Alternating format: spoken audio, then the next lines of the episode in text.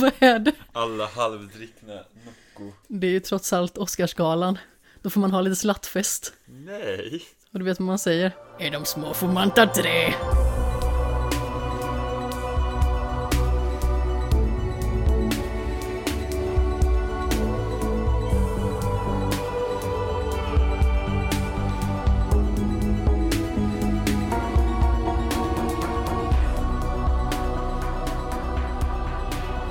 Hej och hjärtligt välkomna till avsnitt nummer 66 i ordningen av Skämshögen.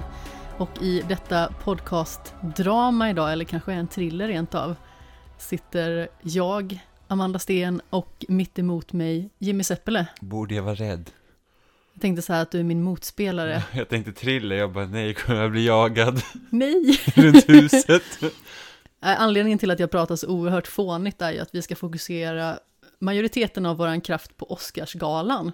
Så den senaste veckan har vi haft en eh, krutvecka med film, där vi bara försökt att pressat alla de här filmerna som vi verkligen vill hinna med. Och det är ju framförallt filmerna i kategorin bästa film, helt enkelt. I och med att det är den som vi kommer att eh, lägga mest vikt vid under tiden vi pratar om Oscarsgalan helt enkelt. Men vi kommer att gå igenom vissa andra kategorier också, eller hur? Ja. Så vad har vi hittat på sen senast då? Eh, sist så pratade vi ju mest om eh, sorg och ond bråd död. Det kanske har varit lite mer glädjefyllt den senaste tiden. Jag har sett typ två avsnitt av Simpsons. Alltså ständigt detta tragglande i Simpsons. Alltså jag har varit på säsong tre typ i fyra månader. Det är så sorgligt. Lite faktiskt. Fast jag ser det ändå som någonting positivt. Det betyder att jag somnar gott om kvällarna. Det är så himla viktigt att somna gott. Eller att i alla fall liksom inte behöva ligga vaken länge. Jag tycker att det är jättefrustrerande. Ja, men Jag speciellt när att- man känner sig trött. Det är det värsta. Man är trött. Man bara säger jag ska kunna gå och sova nu. Och sen när man går och lägger sig så bara, jag somnar inte. Jag vet ju att jag själv har haft perioder där jag har varit mer stressad och jag har haft jättesvårt att gå ner i varv och så har jag liksom suttit och varvat internet så pass länge att jag typ två på natten börjar gå in på jobbmailen och då vet man ju att man ligger risigt till alltså. Ja, det är inte bra. Har du hittat på någonting annat förutom att kolla på två avsnitt Simpsons?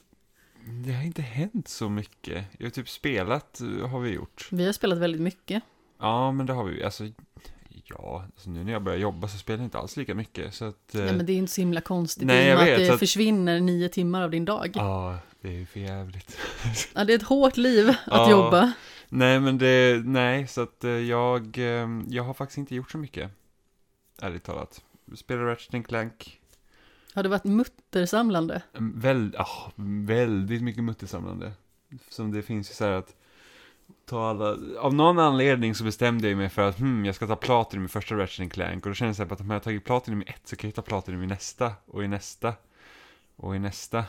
Så att eh, nu när vi spelar tvåan så, så behövde man en jäkla massa bolts. I första spelet så räcker det med en miljon och då kan du liksom köpa allt utan problem. Men i, i, i tvåan så finns det ju jättemycket mer att köpa som är dyrt. Så det finns en trofé för att ta två miljoner bolts.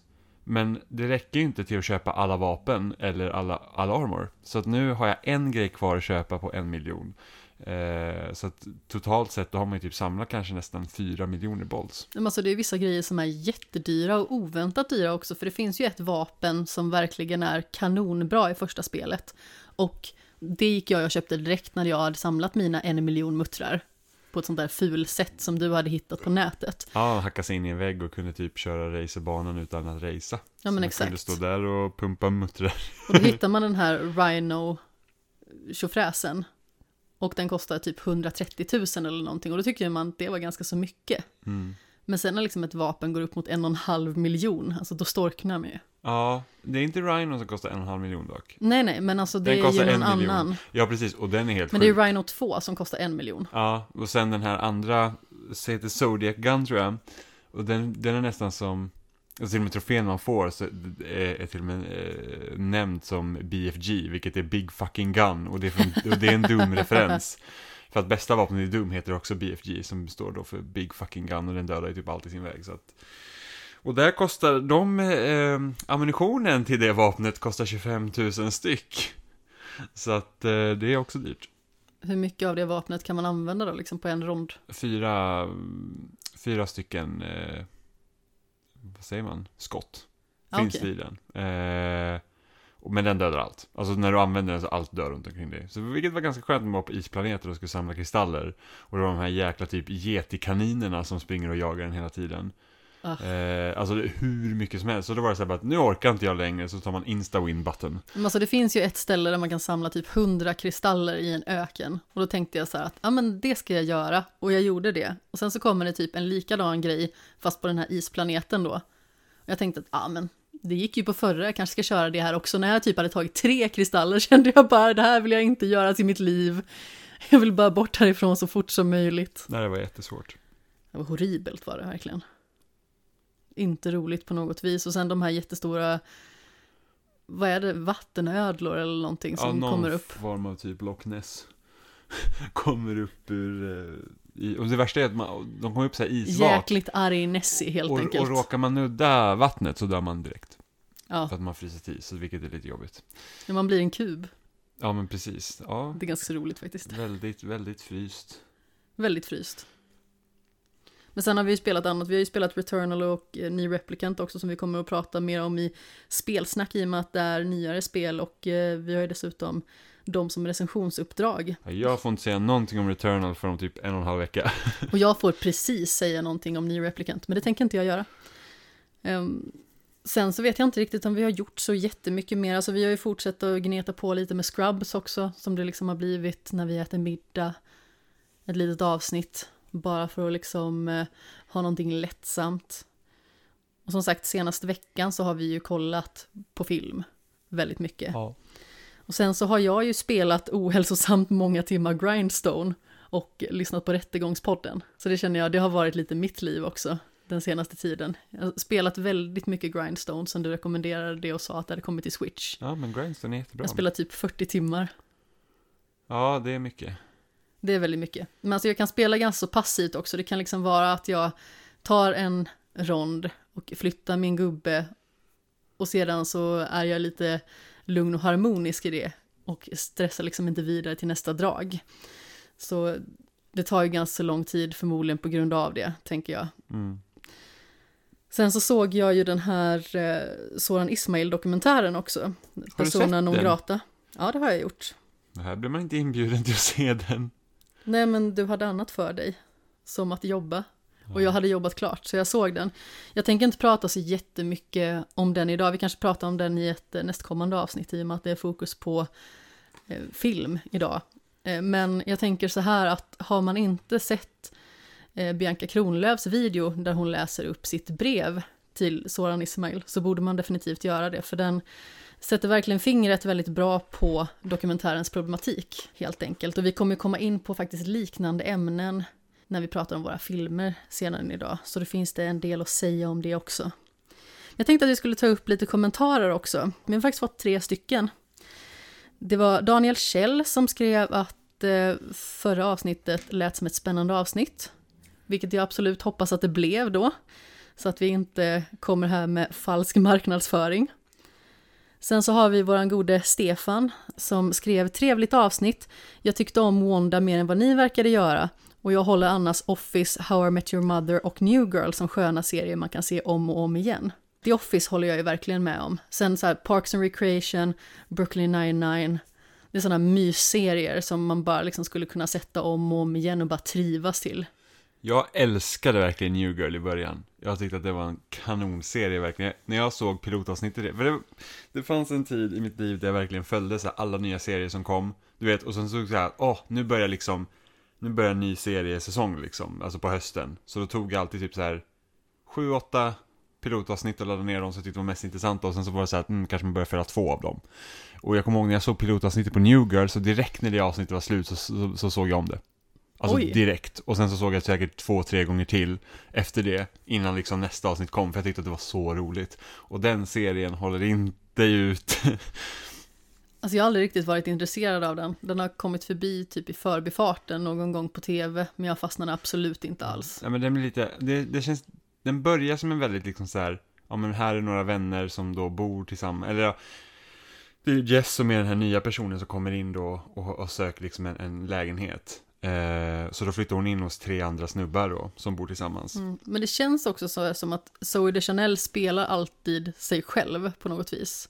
Jag vet inte, jag tycker hon är jättebra i den serien i alla fall. Men eh, det börjar mer som en vanlig, liksom typ, ja men vänner, How I Met Your Mother, liksom så här, kör den här kompisgänget och sen gör man lite en egen grej av det. Men den blir så jäkla märklig sen. Alltså, på vilket vis? Jag vet inte, det, liksom, den, den, den blir liksom det känns inte rimligt alla gånger. Det är bara så att okej, okay, men det här är liksom, det känns inte ens förankrat i verkligheten det som sker nu, utan det, liksom, det blir för, det blir liksom, när de hittade sin groove i serien så kände jag att det var inte riktigt så jag hade hoppats på att den skulle vara. Hittade sin groove. Ja, men du vet, man brukar säga så här, första säsongen brukar vara lite skakig, andra säsongen då börjar de liksom hitta så att, ja ah, men det här är vad serien handlar om, och sen kör de järnet på det. Eh, men, men vissa grejer är jätteroliga. Alltså det är typ en karaktär som heter Schmidt där och han är, han är ganska så pedant av sig och, och, lite så. Och det är typ, jag tror det är sista säsongen när han har fått, han har fått barn med en annan eh, person då i, i serien. Och sen så har någon varit och hämtat eh, ungen på dagis. Och han vet inte vem det är som har hämtat den. Och så frågar han någon annan unge där på, på dagiset så här bara, ah, men var är min dotter typ? Och så bara, ah nej men det, det var någon som kom och hämtade henne. Va? Vad då för någon? Ja men en vit man. En vit man? Va? Och ingen gjorde någonting? Så bara, nej, åh oh, det är så typiskt! Då tänker man så här, hade det varit någon annan som inte var vit då så hade det varit liksom varningsklocka, men då kunde någon bara, vem som helst kunde bara komma in där bara, bara man hämta. rätt hudfärg. Och han har sån jävla rolig delivery på det, så att det, det är liksom kul. Det, det, finns bra stunder i den serien, men sen så är det också vissa karaktärer lyckas de liksom inte riktigt hitta vad ska de göra med den här karaktären typ? Så det finns, han heter Winston i serien och han liksom så här typ att alla karaktärer får liksom sitt kärleksintresse och sin relation som de liksom bygger vidare och, och han liksom trevar lite med dem, vet liksom inte riktigt Han är bara med. Jo, men han har ju också liksom grejer sådär, men det liksom blir konstigt, så han har så jätteskum relation till sin katt och det är liksom så att det, På det, vilket sätt har han en skum ja, relation han, till sin katt? Så här, han har otur i kärlekslivet så han liksom får så en osund relation till sin katt istället, så han gör allt för katten typ. In, inte Tidelag. Inte, inte nasty business, men, men det är liksom så här att så får han liksom, visst det är kul ett tag, men det är lite som så här att nu ska jag nämna någon serie som kanske inte är jättebra heller, men The Big Bang Theory, så har de ju eh, karaktären Raj där. Han vet de inte heller riktigt vad de ska göra med under hela serien i princip. Det är så här att alla andra får skaffa familj och han bara hänger på typ. Så att det, det, det är lite på, på den nivån. Ja, okej, okay, jag förstår. Men jag skulle inte gå in så mycket på New Girl, men det var bara att jag, jag gillar verkligen hur den serien börjar och sen så... Men, men jag är så här att jag slutar inte se serier som jag börjar titta på. Jag ser ju klart dem. Så det är så här typ att, ja, ah, när jag har sett två säsonger så det var bra och sen blir det sämre och sämre, men jag måste ändå se klart den.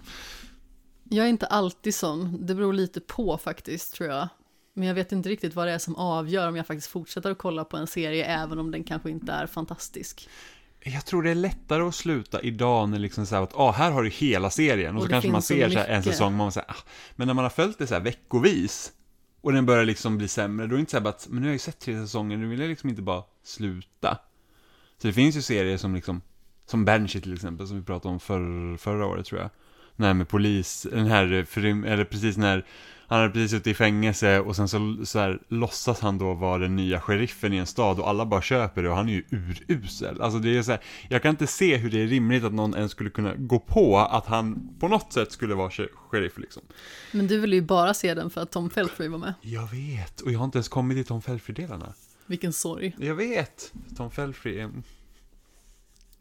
Vad betyder det i ord? Bra. jag tror att du har en liten eh, svag punkt för honom. Han är jättebra, så typ, han, det var enda anledningen till jag såg andra säsongen av Iron Fist var att han var med. jag skulle inte ens överväga att se den säsongen. Första var så himla horribel. Fast han gjorde ett sånt stort intryck. Jag tyckte att han var helt, helt outstanding. Det kan man göra. David i alla fall skickade in igen. För han frågade ju angående Breaking Bad om man skulle fortsätta att kolla på den och vi gav svar på det och då skrev han så här. Hej, kul att få svar på frågan om Breaking Bad. Dock tror jag att det kommer dröja innan jag eventuellt börjar överväga att kanske se den, för mycket annat i omlopp just nu. Jag kan också bekräfta att det som föräldrar är mycket, mycket värre att se eller läsa om eller höra om när barn far illa. Sättet jag upplever det på har förändrats i grunden sedan vår dotter föddes. Så jag tror du gjorde helt rätt i att avråda från Gabriel Fernandes-dokumentären. Ska hålla mig långt borta från den. Sen tyckte jag mig höra att ni pratade om en app som listar olika streamingtjänster och deras innehåll. Stämmer det? Vad hette den i så fall? Jag satt i bilen och kunde inte skriva ner det. Jag har svarat David i skrift här, men om man missade det så var det alltså Playpilot. Mm, den, är, den är jättebra verkligen. Den, den uppdateras relativt snabbt ändå. Eh, vilken otur det hade varit om vi hade nu nämnt Playpilot och du inte hade svarat David i skrift och han fortfarande hade kört bil. Så bara David, stanna bilen! vi kommer säga det nu! Hitta en ficka! Då får han ju helt enkelt pausa då, tänker jag. Ja, bilen. Pausa bilen. Jajamän. Men vad säger du, ska vi faktiskt gå in på Oscarsgalan?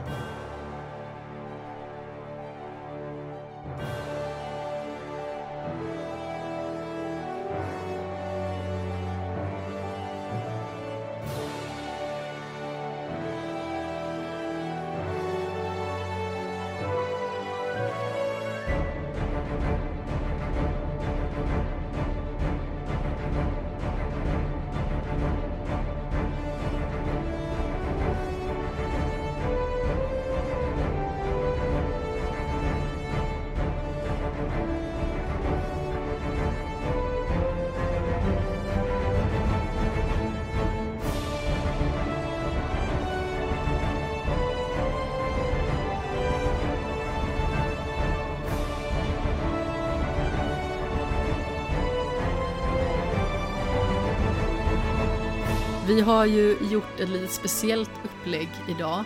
Vi kommer inte göra exakt som vi gjorde förra året. Det var nämligen så här från början också att jag kommer inte ihåg exakt hur vi gjorde förra året. Men sen så började det klarna lite grann för mig när jag faktiskt hittade dokumentet som jag eh, fifflade fram förra året. Och sen så ändrade jag om lite, tog bort några kategorier. Sedan så tänkte vi göra som så att istället för att bara rabbla kategorierna rakt upp och ner så kommer vi att köra varannan. Så att man väljer vilken kategori man vill prata om härnäst. Och då naturligtvis Jimmy så tänker jag så här att eh, du får börja. Ska jag börja? Ja. Nämnde du kategorin precis vi skulle prata om? Nej! jag var så här, för jag var så här, jag bara gjorde mig redo så här, bara, jag, jag, jag måste verkligen så här fundera ut vilket mitt svar ska vara här och sen så bara, ah, kan du börja? Och då tänkte jag, har du sagt kategorinamnet nu? Nej, det var ju att du skulle välja vilken kategori vi skulle börja prata om. Jaha, men jag tänkte att vi kunde köra listan rakt igenom från början till slut. Som vi har på dokumentet. Så jag tänker liksom inte hoppa, utan jag börjar i första. Alltså jag orkar inte. Här har jag suttit och precis förklarat att vi ska göra på ett annat vis. Ett vis som vi faktiskt diskuterade innan och som du tydligen Men- har glömt av. Ja, men jag är så borta, men jag kan välja en kategori jag kanske tycker är rolig då. Men då vill jag ju spara den roligaste till sist. Eh, Så jag tänker börja med en tråkig kategori. Vilken kategori vill du börja med? Jag måste ju se här. Alltså jag orkar Det roligaste är att du har ju skrivit upp dem i en jättebra ordning, som gör att det känns typ logiskt att köra i den ordningen som du har skrivit upp dem i. Jag ber om ursäkt för min eh, ordningsamhet. Ja, så jag tänker faktiskt välja här. Kategorin är bästa regi. Ja, och vilka är det som är nominerade i den? Nu måste jag ju sitta snett och läsa här.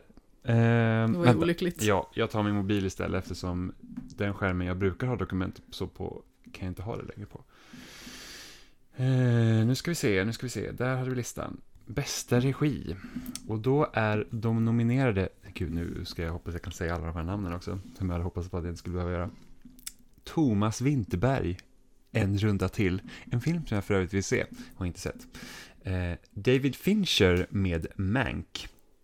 Lee Isaac Chung med Minari. Chloe Zhao med Nomadland.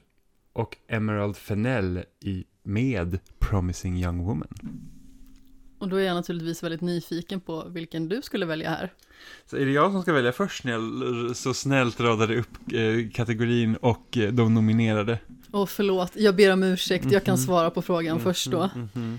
Jag har ju inte sett den här en runda till heller. Den är dansk va? Ja, med Mads Mikkelsen. Ja, men det lille match. Ja, lille Mads. Eh, jag tror faktiskt att jag får säga Promising Young Woman. Mhm, varför det? För att jag tyckte att den var så otroligt väl sammansatt och eh, alla dess beståndsdelar var så himla snyggt komponerade. Jag vet inte vad mer jag ska säga, vi kommer ju förmodligen få anledning att prata mer om den här sedan. Men eh, jag har inte jättebra koll på Emerald Fennell, om jag ska vara helt ärlig. Och eh, på något vis blir det väl ännu mer imponerande då. Jag måste ju säga att jag är lite besviken på David Fincher, som alltså regisserade Mank. Mm. I och med att eh, det kändes inte som en av hans starkaste kort om man säger så. Nej, och jag vet inte, det, det känns lite konstigt att nämna det här, men jag tycker ofta det är när det kommer till Netflix-filmer, att de har en viss liksom, jag vet inte om det beror liksom på att de inte har en viss liksom speltid de måste kanske förhålla sig till på samma sätt som när det kommer till typ biofilmer och sånt. Där är det så här att nej men ni, ni måste liksom, vi måste klippa ner den här till en viss tid och bla bla bla. Utan många Netflix-filmer känner att de känns lite utdragna. Och nu var inte den här filmen överdrivet lång, den var ju två timmar. Men det kändes ändå så här att, fan, kunde de inte ha kommit till poängen fortare liksom? Ja, så skulle man kunna se det. Och sen så kände jag liksom så här att David Fincher har ju varit en väldigt stor del i Mindhunter till exempel. Mm. Som också är baserad på verkliga händelser. Så då kände jag att det har liksom byggt upp det lite för mig i och med att Mindhunter är en av mina absoluta favoritserier någonsin. Så då kände jag att det fanns en ganska stor besvikelse där, om jag ska vara helt ärlig. Mm. Jag känner bara överlag att alltså, det Mank handlar om som då är manusförfattaren till eh, Citizen Kane. Citizen Kane. Jag känner väl bara att ämnet var inte så jättespännande eh, för egen del. Nu är det din tur. Ja, och eh, jag bollade lite med för jag funderade också på Promising Young Woman, vilket jag tycker är en helt fenomenal film, men jag tror faktiskt att jag väljer eh, Chloe Zhao där med Nomadland. Okej. För jag känner liksom att den... Eh, Vad check jag lät. Okej. Kom det igen är Stumpan, berätta jag- varför. Det är andra gången jag hör ordet check idag. Va? Eh, ja, Ja men du jobbar med göteborgare också. ja, det gör jag. Där är de checka och goa. Vi hade alla väldigt roligt åt att check nämndes. Ehm, Jag tänker bara på Peter Check, fotbollsspelaren. jag har ingen koll på fotbollsspelare. Förlåt. Oj, Eh, jag drack samtidigt. Mm. Eh, nej men jag tror att Nomadland är så intressant där för att ett, det är ett ganska udda ämne den handlar om. Eh, på ett sätt. Den skildrar en del av USA som man ofta inte får se på film. Eh, och samtidigt blir det sån himla djup kontrast, eller djup, jo, djup kontrast mellan det här simpla livet som nomaderna lever, liksom att du har, du ska inte äga så mycket, du, det, du, det du äger i princip det du har på dig, plus din lilla liksom bil som du liksom i princip bor i. Eh, och, och, och, och reser runt liksom i, i, i ett USA som inte liksom ligger i i, i liksom metropolstäderna, utan liksom, det är på utkanten, för stor del av filmen utspelar sig liksom i Midwest.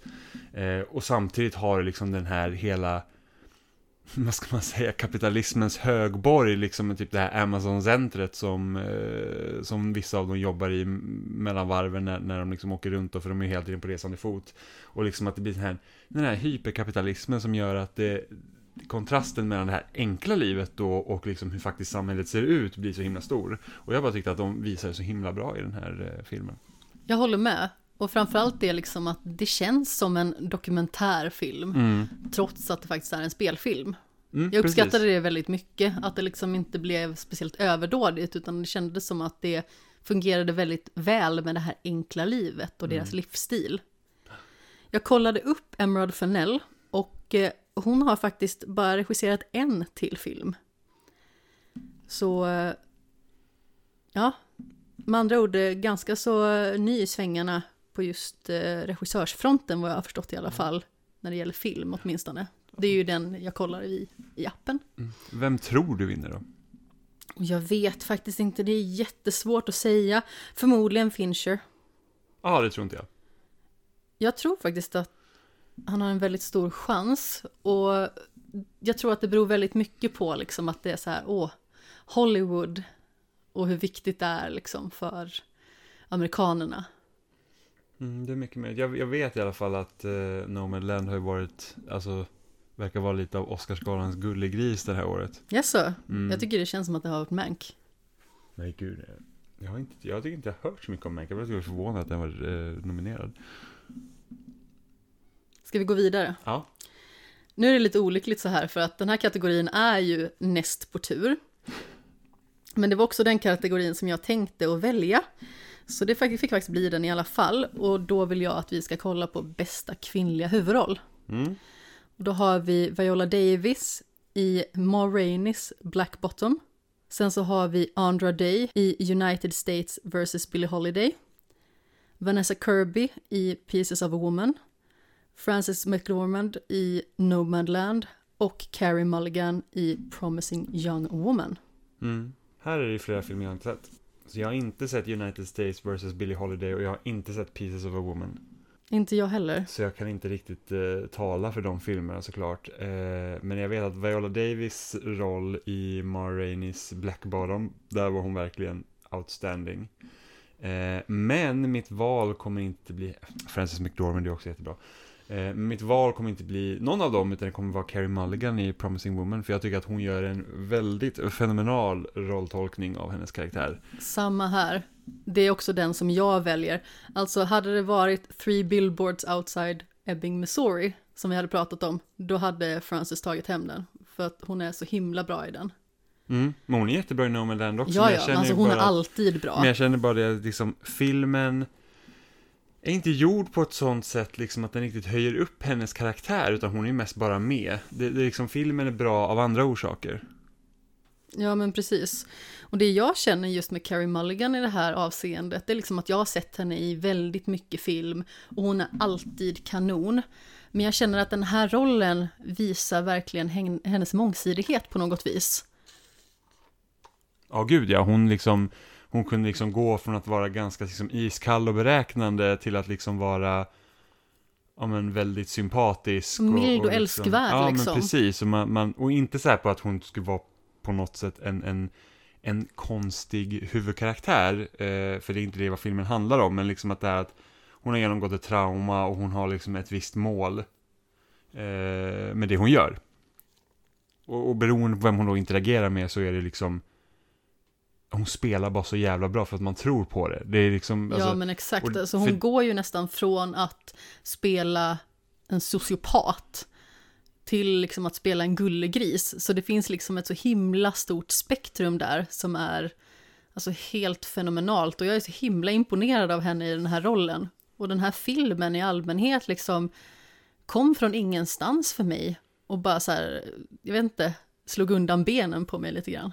Ja, för risken är alltid när man ser en, en skådespelare flera gånger, liksom att man helt plötsligt inte köper att det är en karaktär skådespelaren spelar, utan man ser skådespelaren. Ja men exakt, alltså en sån person tycker jag lite granna är Benedict Cumberbatch. Det är en liksom, skådespelare som jag älskar och tycker är fantastisk.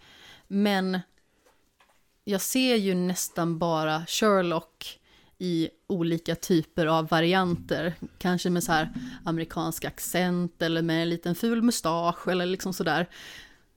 Så det blir liksom samma om och om igen. Men det blir ju också så för att många skådespelare visar sig vara bra på en sak och då får de spela en viss typ av roller om och om igen. Mm. Så vem tror du vinner då? Och jag vet faktiskt inte. Jag tror nog att det skulle kunna bli Frances McDormand, Mm. om jag ska vara helt ärlig. Jag känner lite samma. Nu har jag markerat eh, i vårt dokument. Med korv? ja, det var det första som kom upp i min eh, emoji-lista. Så nu markerar jag de färdiga kategorierna med korv i bröd. Så, så bra. Jag vet, om Ida lyssnar så hoppas jag att hon blir glad. Mm. Då är det med min tur att välja kategori då. Det är korrekt analys av Och då situationen. vore det ju verkligen jättekonstigt om jag tog någon annan kategori än bästa manliga huvudroll. Så här kan du ju inte bete dig, du kan inte fortsätta på listan bara för att det ska bli en rak lista. Nej men det är jättekonstigt, vad ska... Ja okej då, då... Det är som att spela en vanlig Yatzy och sen så bestämmer du dig mitt i alltihop för att spela en rak Ja men Yatzy. då skiter vi i bästa manliga huvudroll, männen kan dö. Eh, Vänta, jag, vad händer nu? jag kör på att nästa kategori är bästa kvinnliga biroll. ja, Så är vi klara med de kvinnliga rollerna sen. Eh, så vi kör dem i rad. Eh, och där har vi då, som är nominerade för bästa kvinnliga biroll är Maria Bakalova i Borat Subsequent Movie Film. Glenn Close i Hillbilly Elegy. Olivia Colman i The Father. Amanda Seyfried i Mank. Och Yu Yang-Jun i Minari. Det är alltså en riktig tungvrickare. Jag är Ah. glad att du fick säga den, för för mig hade det blivit... ja, jag, jag, jag vet inte om jag lyckades jättebra, men eh, jag sa det i alla fall. Jag är stolt över dig. Mm. Så att här är ju också flera filmer som jag inte har sett. Jag måste säga Hillbilly Elegy, den eh, filmtiteln låter ju jävligt eh, nice. Så den ska jag vilja se. Det låter lite risigt tycker jag. Ja, men jag fastnar på Elegy, vet du. Ah, jag förstår. Och Borat har jag inte sett, men det är för att jag aldrig varit liksom så här... Um, Borat är inte riktigt min grej.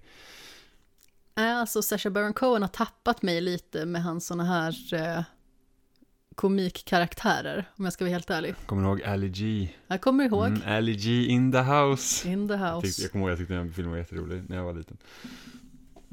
Den karaktär, eller den skådespelare rättare sagt, som jag eh, tänker välja i den här kategorin i alla fall är Olivia Colman från The Father. Mm, jag sa, hur kommer det sig? Alltså jag tycker alltid att hon är en sån fantastiskt sympatisk skådespelerska.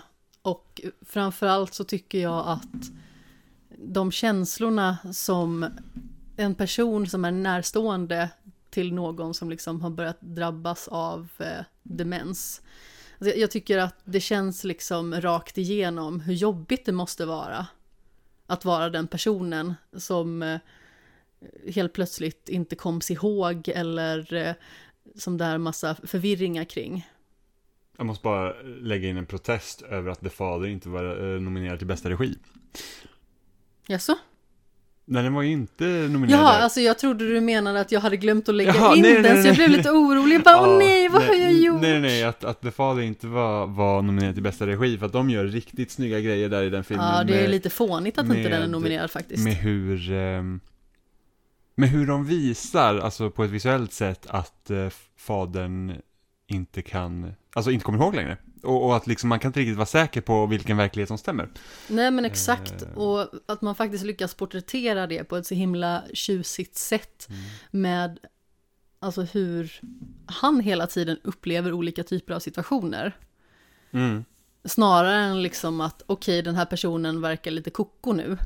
Ja, och sen att liksom, eftersom vi får se från hans perspektiv också, så vi ser inte från anhörigas perspektiv helt och hållet. Men man vet ju aldrig exakt vad som är sant. Nej, just och, därför. Och, och just det att de har, det, det är ingen som berättar för oss att han liksom inte kommer ihåg det här rätt, utan det är någonting som vi själva måste ta ställning till. Ja men precis, Eh. och att man liksom aldrig får det berättat för sig hur det egentligen står till. Mm, så det, som filmen slutar till exempel, det behöver ju inte alls vara så filmen slutar. Nej. Sen så kanske det förmodligen rent logiskt är så, men jag tycker att det är väldigt stilfullt hur man liksom har lyckats skapa det där och precis som jag nämnde med Olivia Colman så porträtterar hon en väldigt liksom eh, kärleksfull men också oroad dotter helt enkelt som bara försöker ta hand om sin pappa. Och den smärtan någonstans när man upptäcker att ja, men den här personen kommer liksom inte ihåg mig längre. Den kommer inte ihåg vad man har gjort den senaste tiden eller vilka relationer man har. Ehm, det här är en person som helt enkelt börjar tappa greppet om en väldigt viktig del av sig själv, det vill säga liksom sina minnen. Och minnena blir liksom huller om buller och man kommer ihåg bara sådana här vissa grejer. Alltså jag har ju den situationen ganska så färskt i och med att vi har min farmor som är jätteförvirrad. Hon har precis liksom placerats på hem. Hon är ju ganska så gammal nu förvisso. Hon är ju snart 89 år. Men där är det liksom så här, hon kan komma ihåg saker som liksom hände på gården när hon var liten och hon började prata om sin kusin. Men ibland så kommer hon inte ihåg vem pappa är. Och ibland så tror hon att hon är barn fortfarande. mm, Och ibland så vet hon liksom inte om sådana basala grejer. Alltså det var ju en sån grej som, alltså det är ju tragiskt men det är ganska så roligt ändå. För det var ju att min faster hade liksom försökt att ringa henne och då var telefonen avslagen. Och den har liksom blivit nerkopplad då för att räkningen var inte betald. Och då kom hon dit i alla fall och så frågade hon liksom vad är det som har hänt, varför funkar inte din telefon? Och då visade det sig att räkningen var inte betald. Och då säger hon liksom så här att, nej men mamma, alltså, du måste ju betala dina räkningar. Så då började i alla fall de eh, nysta i det där då och pappa och min faster kom liksom fram till en lösning kring hur man skulle betala och pappa fixade liksom så att man kunde starta upp abonnemanget direkt och det liksom skulle hållas igång. Jag tror att han liksom betalade för det eller någonting. Eh, och jag tror att de hjälptes åt liksom att hålla koll på hennes räkningar. Och sen en gång när min faster kom dit, då var liksom räkningarna borta. Och min faster liksom bara, men vad har hänt, har du inte fått några räkningar? Och då säger farmor så här, jo men då skickar jag iväg. Mm. Jaha, men du har ju liksom inga talonger eller något sånt, du kan ju inte betala de här på egen hand numera, det har ju jag hand om. Jo, jo, nej, men jag skickade iväg dem, jag la dem i ett kuvert och så skickade jag dem till Hässleholm.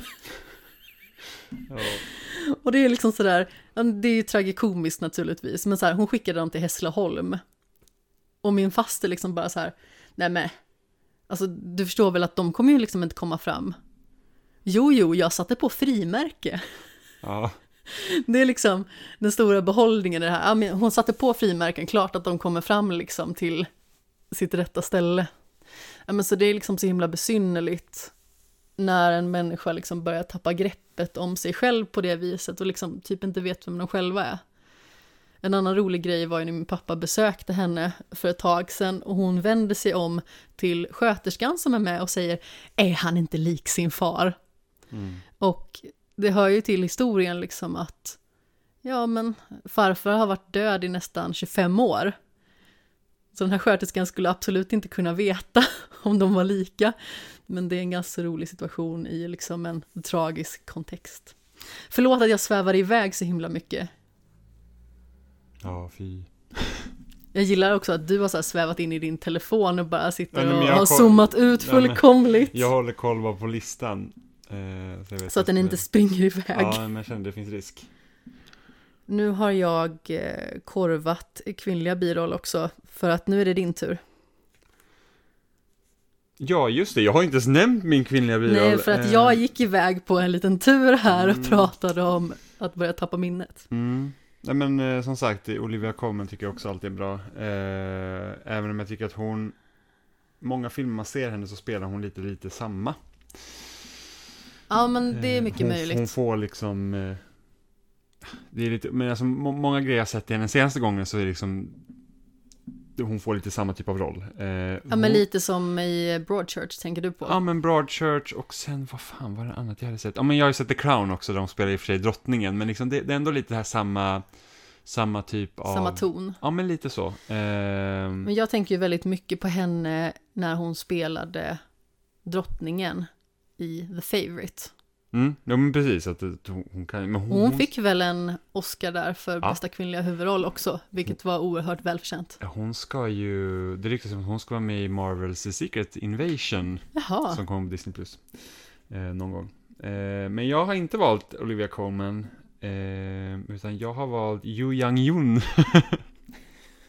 som jag säkert kör på ett helt annat sätt nu än jag sa första gången. Eh, som spelar då mormorn till eh, barnet i Minari. Och jag känner att, eh, jag tror att hennes roll... barnen vill jag bara säga, de Ja, är ja, två. just det. Ja, men jag kan också glömma bort dottern om familjen kan göra det. Ja, familjen glömmer bort dottern jätteofta känns det som. Det känns som att allting bara cirkulerar kring den här lilla Ja, pojken. men det var så kul för att dottern kom in ibland så var jag såhär bara, ja just det, de hade ett barn till. Åh, Eh, Sorgligt. Ja, lite sorgligt faktiskt. Nej, men alltså hon, jag tycker att hon gör en stor del av den filmen. Eh, det kliar på mitt ben också. Eh, Ja, men du kliade på mitt ben för att du kliade på ditt ben. Ja, dubbelkli. Eh, jag tycker att hon gör en stor del den filmen, för jag tycker att hon är så himla rolig i den. Eh, spelar liksom så här typ att, ja men, hon följer liksom med den här familjen när man flyttar till, vad är det, Arkansas? Jag för mig att den flyttat till och skulle typ fixa någon eh, farm där. Och då, och då flyttar hon dit och hon bara så här, ja, typ lite mer på det här, bor det här eh, typ, eh, ja men kommer vargen och huffar och puffar på det så blåser det typ bort. Eh, funkar inte vattnet och sånt där. Och hon är typ såhär, ja ah, det är lite konstigt ni bor här men jag är med och så ska hon försöka hjälpa till att ta barn och så här. Eh, väldigt rolig. Väldigt okonventionell också, känns Ja det som. men precis, och, och speciellt med tanke på liksom att om man tänker att om man är liksom en så här koreansk familj så tänker man att de, alltså jag får ju rätt att liksom till exempel Japan är de väldigt konservativa. Och Ja, men man då- tänker ju att det ska vara lite mer så här strikt och Ja, men inrutat, precis, att då så här att ordningsamt. Ja, då kommer mormor hit och hon är ju van att livet är på ett visst sätt och då är de här liksom typ familjen som typ helt plötsligt blivit typ bohemer och bara bor någon mitt ute i ingenstans. ja, de liksom. bor ju i mångt och mycket i en husvagn. Ja, ja men typ en så här, vad heter det, barack liksom. Ja, i mångt och mycket. Eh, och att hon ska liksom vara så här, för att, för att det, är, det är ganska upphaussat innan hon kommer dit. Liksom så här, bara, "Ah, vi måste hämta henne och så kommer mormor och bla bla. Eh, men så kommer hon dit och hon är typ så här att hon, hon, Hon är lite galen. hon är, hon är smått galen, det är hon faktiskt. Eh, så att, eh, Jag höll på krevera när hon liksom inför folk då sa att sonens ding-dong var broken. ja, för att han kissar på sig Han kissar på sig i sängen och han är väl jätteliten liksom. Ja, han, vad kan han vara? Sju kanske. Ja, precis. Eh, Jag minns inte om de säger det, men det är liksom en Nej, men liten han, han pojke. är ganska ung. Eh, så att eh, hon, hon är faktiskt väldigt rolig. Så hon, otroligt välförtjänad eh, staty skulle hon få om hon, eh, eller statyett, om hon skulle vinna. Varför blev det liksom ett val mellan staty och statyett? Jag vet inte, staty känns så stort, statyett är liksom litet. Ja, men så kanske det är. Hur som haver, jag tänker vi går vidare till nästa kategori då. Eller vad säger du? Kom igen, bästa foto. Varför då? Jag skojar bara för att det logiska är ju att välja... Vad har du tänkt att välja? Bästa originalmusik? Nej. Jo, Ja, okej. Jag har liksom inte valt några manliga huvudroller eller biroller, så att jag eh, skakar om det här lite. Mhm. Vilket är ganska oväntat att det faktiskt är jag som gör i och med att jag är Excel-rutnät-personen Ja. av oss. Ja just det, jag kanske ska Ja, läsa ja. upp vilka som är nominerade. Är att jag höll på att säga så här, vilken kategori valde jag nu igen? Hur som haver, vi har bästa originalmusik. The Five Bloods, Mank, Minari, News of the World eller Soul. Ja. Eller själen som Det står i står ditt dokument. själen här, jag vet men vissa är översatta.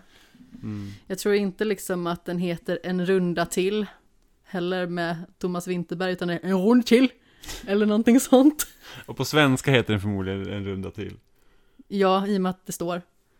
Ja, men jag vet inte vart du har tagit listan ifrån. När du sa att den hade översatts så tänkte jag att, har Google, har Google Jag tog den Docs på det? nätet. Ja, jo, just det, nätet som enbart är svenskt. Ja, det svenska Det nätet. svenska nätet. Google. Och så får man inte säga, På min tid var det Alta Vista. på min tid. Ja, men det första Du är sök... 13 och en halv månad äldre än vad jag Ja, är. jag vet. Det är stor skillnad. Men första sökmotorn jag använde var Alta Vista. Och då kopplar vi upp oss till internet på Netscape Navigator. Nu ska du välja bästa originalmusik här Jimmy. Just det, eh, jag har liksom inte så här jättestor... ehm, jag har faktiskt inte så här jättestor liksom, eh, åsikt egentligen om vilken som hade bäst musik, men jag skulle nästan... Jag undrar om inte jag skulle välja Minari här faktiskt. Jag också. För att jag kände att det, det var liksom sättet till liksom filmens inramning, så att de är liksom ute på landstället, eller landstället som de vore så här asrika och det typ nu åker vi till De stugan. bor på landet. De bor på landet, de bor mitt ute i ingenstans och liksom I skogen i mångt och Ja mycket. men precis, jag kommer ihåg att jag sa det till dig att det känns liksom att hela filmen var liksom som en, en, en nästan en live action Studio Ghibli-film. Mm. Liksom man fick lite den känslan, nu är ju Ghibli-filmerna oftast mycket konstigare, eh, eftersom det är Jag förstår absolut inte vad du menar med detta påhopp. men det är så att de, det är ofta övernaturliga grejer och sånt existerar inte i Minari, men liksom det här med att Mormon känns lite övernaturlig i och för sig Ja, i vissa men- avseenden. Jo, faktiskt sant. Eh, men just det här liksom att eh, kopplingen till naturen och, och, och det kände jag liksom var, var, var bra. Så att, och då, musiken där la- lades ju på väldigt bra också. Liksom, Ja. Fick det här ganska harmoniska lugnet. Ja, men alltså det kändes ju med musiken nästan lite som den här Studio Ghibli-känslan på något vis. Det var väldigt stämningsfullt och det var väldigt mysigt tyckte jag att lyssna på, Mm. om jag ska vara helt ärlig. Det var väldigt vackra toner och eh, egentligen det jag absolut först reflekterade över när vi började kolla på filmen, liksom hur otroligt stämningsfullt det kändes tack vare musiken. Mm. Vad väljer du härnäst? Ja, ska jag liksom styra skutan rätt nu? Ja, rätt och rätt, det beror väl på hur man ser på det. Du försökte ju att eh, bryta mitt koncept det första du gjorde genom att låtsas att du hade fått minnesförlust. Ja, men jag väljer, eh, men jag, känner, jag känner att det, det, det, det jag väljer bästa foto. Nu har jag eh, massa dricka i munnen. Mm. En av mina tre burkar. Ja, det är faktiskt galet. Jo, men jag har lite massa Studio slattar det, är, det är lite kvar. Studio Ghibli-varning på skrivbordet också känner jag. Av Studio. Ghibli Nocco. Ja. Vi har lite legendsoda eh, som smakar typ Trocadero. Vi har eh, Sunny Soda som är typ så här persika och sen har vi Ice Soda som smakar lite som eh, Sockerdricka. sockerdricka. Precis, jag var så här fruktsoda, men det är det ju inte alls. Men eh, så jag har liksom en fin selektion här av eh, diverse energidryck. Ej sponsrad, men Nocco om ni hör det här. Jag eh, Ta gärna emot spons. Tar gärna emot bidrag av legendsoda framförallt. Mm. Ja, men sluta skaka burkarna innan ni kör ut dem, för att eh, de pyser. Ja, men alltså det har varit en så himla märklig grej. Alltså nu låter det här som något jättefånigt sidospår. Men det här har liksom blivit ett problem för mig i vardagen att när jag tar med mig en Nocco legendsoda, eller legend soda som man kanske ska säga, eh, varje gång jag ska öppna den så pyser den över. Det roligaste är att förra gången du öppnade den så, det- alltså den typ spottade ur läsk. Ja. Det kanske var värsta strålen. Ja, men det var ju helt galet. Men Jag öppnade en sån eh, så sent som idag, för jag har eh, öppnat eh, en burk tidigare som jag faktiskt har druckit upp för ovanlighetens skull. Eh, Och då var jag tvungen att ställa mig över soptunnan för säkerhets skull och öppna den. Men jag tror att 99% av alla Legend Soda-burkar som jag öppnade senast senaste har pyst över och jag vet inte varför. Det måste ju vara något lurt med typ kolsyran eller någonting för att eh, det skvätter som bara den. Väldigt opolitligt, i synnerhet liksom om man faktiskt ska sitta vid ett skrivbord och öppna den. Mm. Men hur som haver, eh, du valde bästa foto i Yes. alla fall. Och de nominerade för bästa foto är Judas and the Black Messiah, Mank, News of the World, Nomadland och The Trial of the Chicago Seven. Ja. Jag vet faktiskt inte riktigt än vilken jag ska välja här. Om jag ska vara helt ärlig. Det var ju tråkigt. Ja, men så därför tänker jag att du får välja först. Alltså det står mellan Nomadland och The Trial of the Chicago Seven. Mm. Ja, jag väljer Nomadland. Rent för att jag tycker att den, alltså, vi, vi har ju pratat om det liksom, att den hade liksom den här dokumentärfeelingen. Eh, men jag tror det som hjälper till också just att den utspelar sig på ett ställe som man ofta inte får se i film. Eh, och, och liksom de kan få väldigt mycket den här natursköna bilderna över liksom landskapet och sånt. Så att jag vet inte, det, den har en viss känsla över sig och där hjälper fotot väldigt mycket till. Ja, jag får nog faktiskt ta och hålla med dig på den här punkten. För att eh, det var väldigt vackert och eh, i avsnittsbilden så finns det i synnerhet liksom ett väldigt snyggt ögonblick när man liksom går i skymningen med en lykta. Det är fantastiskt vackert faktiskt. I sin Mm. enkelhet liksom, Mm. för det, man behöver inte göra så himla mycket för att det ska bli otroligt snyggt ibland. Mm. Nu är det jävla, USA är så jävla otroligt platt. liksom det verkar Det är så bara, platt. det är så här, hur platt som helst och sen så har man så här lite berg där i horisonten och sen har du liksom den här rosa blå himlen liksom när solen håller på att gå ner. När det är på sommaren. Lite blå Just det, det är jag som ska... Nej, inte blå tint. Ah. ja, nu måste vi förklara blå tint, för vi kan liksom inte bara låta det här passera. För att du började prata i något avseende om blå tint, vilket var det? Det var när vi var ute och gick med valpen och jag sa att det är så himla härligt ljus nu ute för att det är så blå tint. Och jag fattar inte vad du menar med blå tint. Och sen så gick du runt och så kunde du absolut inte förklara vad det var heller, så du bara så här, men, men blå tint! men det Och säger sen så, så här, men vad är blå tint? Blå tint! Det säger sig själv. Alltid i falsett också. Men- Blå tint! Det säger sig själv. Nej! Jo. Det säger inte sig själv, inte om man liksom så här inte tänker på vad tint är. Nej, det men- låter som något himla eh, skumt och påhitt som du bara drar till med. Nej, Jo men ibland så hittar du på egna ord som inte existerar. det gör alla. Men- Alla ord någonsin är påhittat Tint nonsens. existerar ju, men det är ju ett engelskt uttryck. Ja, men precis. Ja. Jag googlade på det sen. Jag googlade specifikt blå tint och fick inte så himla bra resultat. Men jag skulle Så vad kunna säga menar att du det är en blåklint? blå ton skulle jag väl vilja Ja, säga. Eller blå nyans? Ja. Men, Men inte tint, tint, jo, inte blå- blå tint! blå tint. Sluta prata om Himlen blå var, tint! Himlen var tintat blå. Jag kan använda det ordet till jättemånga saker. Det låter också som någonting så här smygfinskt. Blå tint. ja, men- Eh, Då tänker jag att eh, vi går vidare till bästa manliga biroll. Mhm. Nej, låt inte så besviken. Ja, just det. Jag glömmer hela tiden ja, av, här händer inte mycket. jag glömmer hela tiden av att jag faktiskt ska läsa upp grejer här också. Eh, Vi har Sasha Baron Cohen i The Trial of the Chicago Seven. Nu kanske jag slaktar hans efternamn här. Eh, Men eh, Daniel Kaluuya i Judas and the Black Messiah. Leslie Odom Jr. i One Night in Miami. Paul, säger man Racy, Ratchy Racy ska jag tro i eh, Sound of Eller Metal. jag vet faktiskt inte.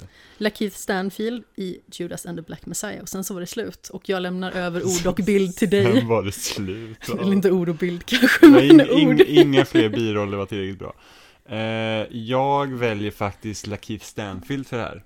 Från Judas and the Black Messiah. Filmer vi såg senast faktiskt. Precis. Jag tyckte att han gjorde ett, alltså, ett han är en jättebra skådespelare. Absolut kanon. Eh, och det är även eh, Daniel Kaluuya också.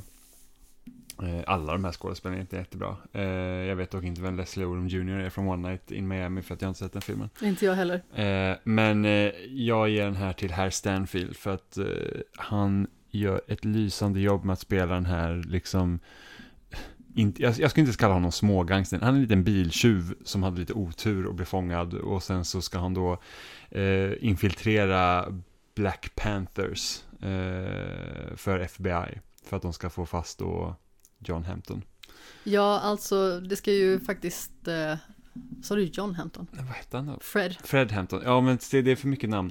Eh, och, och liksom sättet han gör det för att då, då liksom spelar han ju både liksom Alltså han har ju en väldigt stor liksom eh, strid med sig själv där med tanke på att han liksom är svart. Och då helt plötsligt ska liksom då Ställa sig emot dem. ställa sig emot dem när de då kämpar för liksom lika rättigheter om man säger så. Eh, och så har du då en, liksom en FBI som är djupt rasistisk. Eh, och liksom bara så här att ja, vi måste få bort de här bara för att, ja då som då Edgar Hoover pratar om i filmen är att hela deras sätt att leva på står på spel för att det går ju inte att ha samma rättigheter för vita och svarta.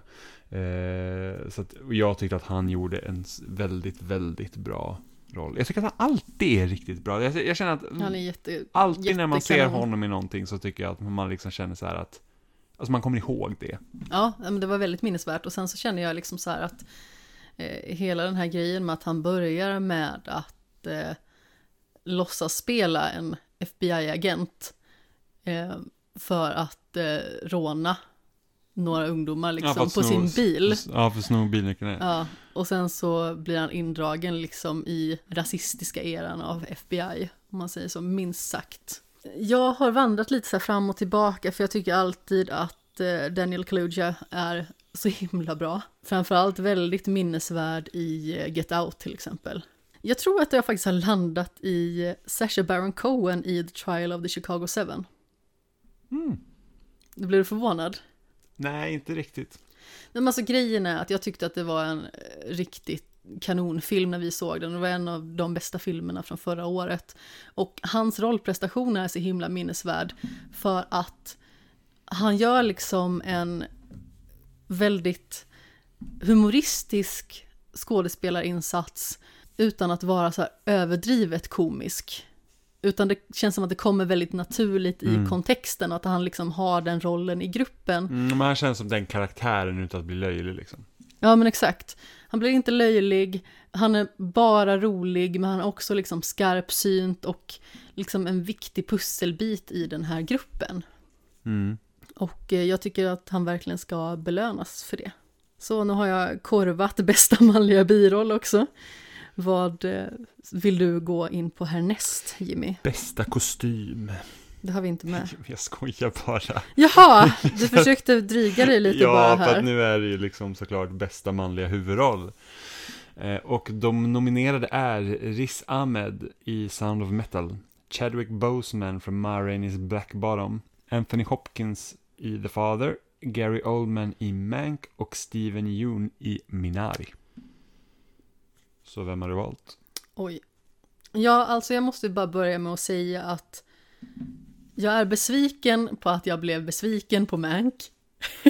Ja. Och eh, jag hade så himla gärna velat välja Gary Oldman.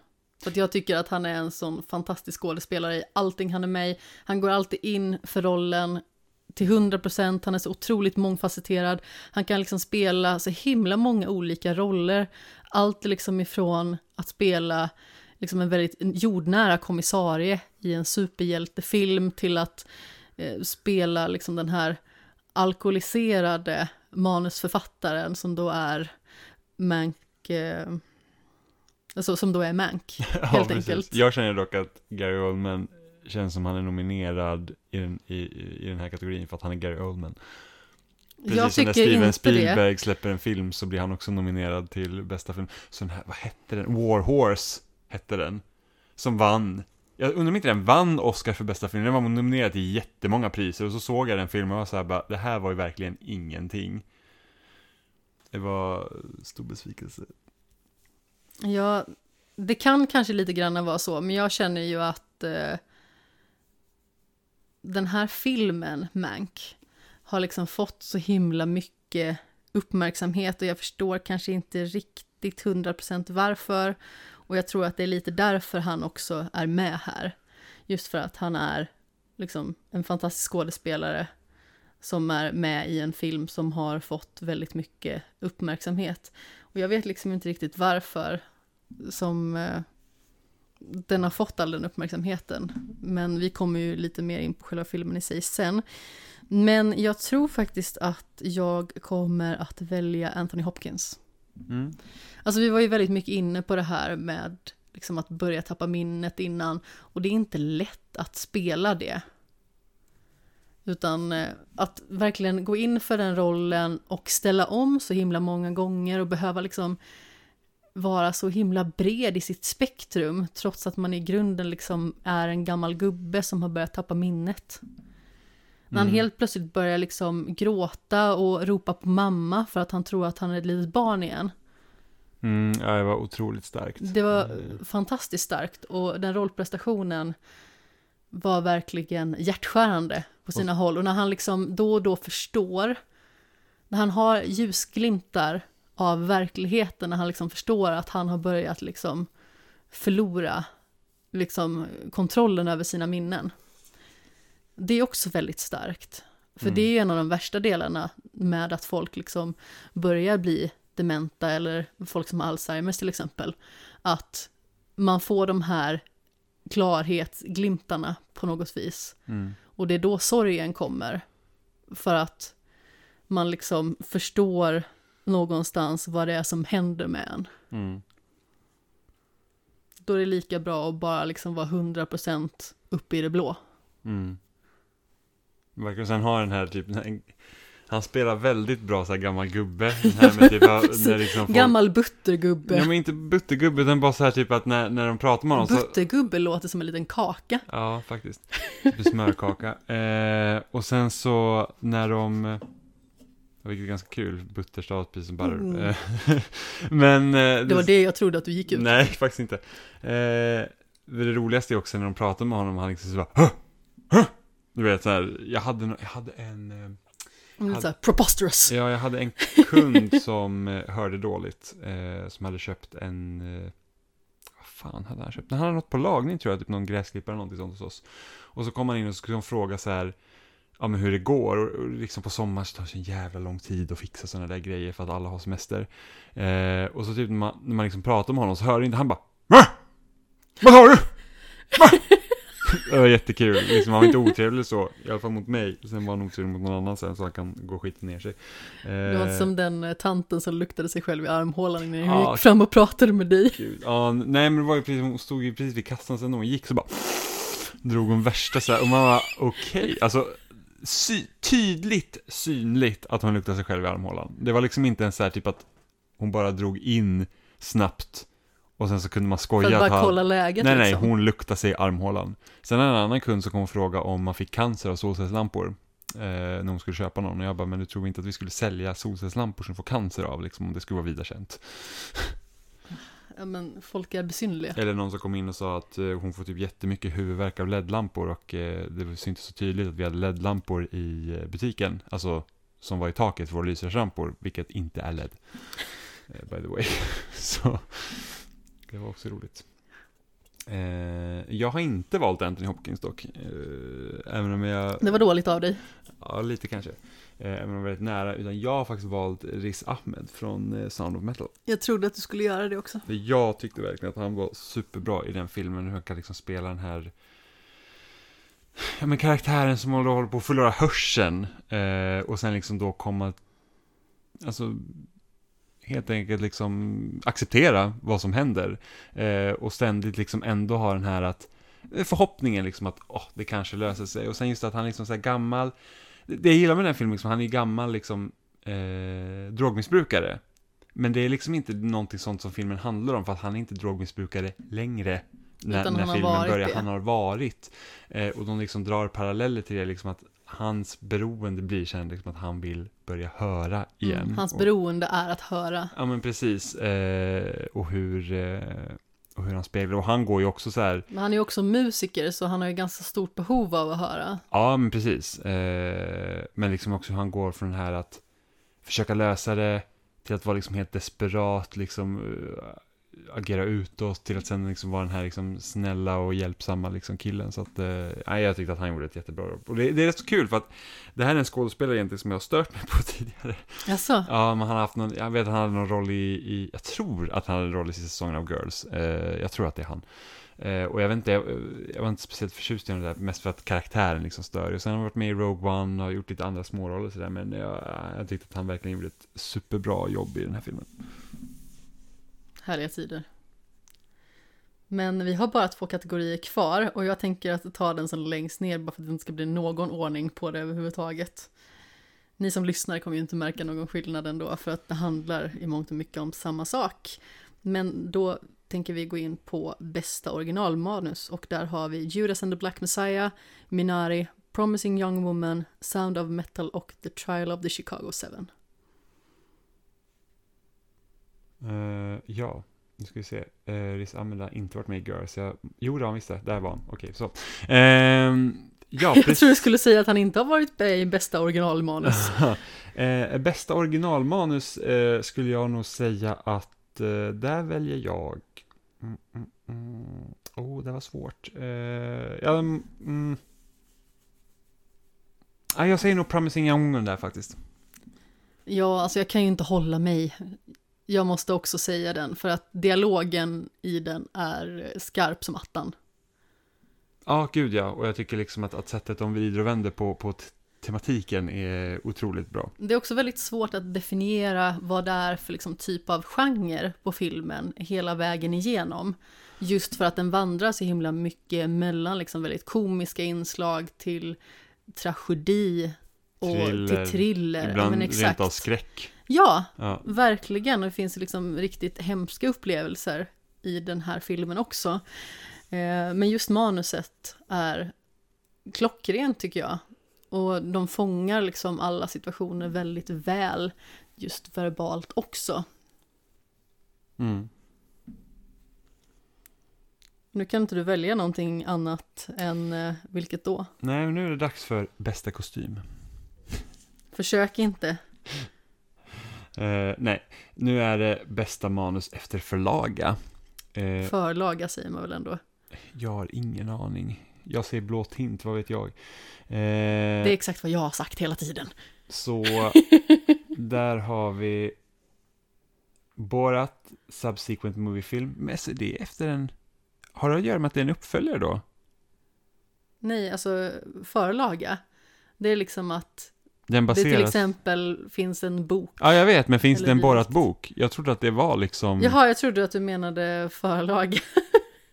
att du fortfarande var kvar på det. Jaha, nej, nej, nej. För jag tänkte, vad, vad baseras den på? Jag har ingen aning, jag har inte sett den. Det här är väldigt konstigt. Nej, men jag tänkte bara för att... Om det inte, alltså, sägs, alltså, räknar de att den baseras på Borat då? Eller jag vet inte. Det är en Borat-film baserad på Borat. Mm, eh, The Father, Nomadland, One Night in Miami och Den vita tigern. Så. Åh, då är det jag som ska välja här. Finsmakaren i manus. Vad ska jag välja? Nu måste jag skärpa mig, det här var inte kul. Eh, jag väljer The Father. Jag också. Ah! så att vi har fått det sagt. Jag blev så chockad över hur du bara så här lutar in och ser ut som att du skulle skalla mig nästan. Men det är ju faktiskt en jättestor mikrofon mellan dig och mig, så att om jag hade skallat någonting så är det Och mikrofonen. den hade skallat mig. Ja, Jo, det hade den visst det. kanske. Vi kan testa, så får vi se. Nej, det gör vi okej. inte. Det kommer bli så hemskt oljud i podden. Men eh, hur som haver, vi båda valde The Father. Varför valde du just den? Eh, ja, men just det som vi pratade om tidigare, liksom att hur bra den visar, liksom det här steget inom liksom då demens, att han liksom håller på och, och glömmer bort och att man liksom har lyckats visa det på ett så bra sätt eh, på film. För jag kan tänka mig att om, om det nu är en bok eh, så går det liksom alltid att internalisera liksom det där med, med liksom vad tänker han på liksom. Du slog mig Jag på knät! knä. Jag nuddade knät. Det kan- Det var typ såhär, jag typ, jag typ graceade det lite försiktigt Du och du bara. Aah! Jag har praktiskt taget nästan brutit knäskålen här. Du har inte brutit någon knäskål, du blev nuddad. Skitsamma, det gjorde faktiskt lite ont. Men Jag förstår inte hur. hur som Så haver. porslinsknän. Nej. Eh, men jag tänker i en bok är det mycket lättare att liksom veta hur karaktärerna känner på det sättet att liksom man kan men, faktiskt läsa vad de tänker eftersom det är så det går till. Ja, men Jag tänker att det är likadant i Patient 67, även känt som Shutter Island. Där med slutet som jag liksom fick läsa om typ tio gånger för att lite grann greppa vad fasen är det som händer nu. För där får man ju liksom se då ur Teddy Daniels perspektiv vad det är som sker. Um, vill jag minnas. Det var väldigt länge sedan jag läste den sist, men där är det liksom så många grejer som, som utspelar sig och man vet liksom inte vad som är verklighet och inte eller vad som åsyftas och sådär. Och eh, jag har ju sagt det tidigare också att det finns ju väldigt många grejer i just den boken som gör sig så mycket bättre i skrift, liksom när det finns eh, anagram och sådana grejer som man kan läsa. Och eh, jag, känner helt enkelt att The Father lyckades så himla bra här med att faktiskt föra över det här till film och att lyckas med det. Jag håller med. Men just det här liksom att man kan lyckas med bildspråket och ehm, alltså visa liksom den typ av förvirring han känner eh, är verkligen super. Ja, absolut. Du andades inte in av chock, ska jag ju säga, på grund av Jag var, eh, att jag pratade jag om var det här. jättechockad och förvånad. Det var ju att du tog din lilla insulinspruta, helt enkelt. Så inte folk undrar bara varför du lät helt plötsligt. Den är inte så liten ska jag säga det. Nej, det är den faktiskt inte. Men jag tänker att vi ska gå in på den sista delen av den här podden om Oscarsgalan. Det finns ju naturligtvis jättemånga fler kategorier, men vi tänkte att vi skulle välja ett eh, axplock. Så besviken över att bästa kostym inte fick vara Ja, med. jag kan tänka mig det. Vi hade faktiskt med den förra året. Vad valde jag ens på den? Jag tror att vi valde Jojo Rabbit på den. Ja, men okej. Det, känd, det kändes som att det talar för sig själv. Ja, men precis. Men nu reducerar jag det lite grann för att eh, det kändes som att det var lite mer kärnfullt, helt sonika. Eh, Och vill man klaga på Jimmys sån här eh, rebelliska ådra när det gäller listan så kan man liksom mejla då skämshögen Mm. mm. Vilken tyckte ni var bästa kostym? Och hur mycket makt hade egentligen Rasputin över den ryska tsarfamiljen? Ja, det är värt en Oscar. Hur som haver, här kommer kategorin Årets bästa film.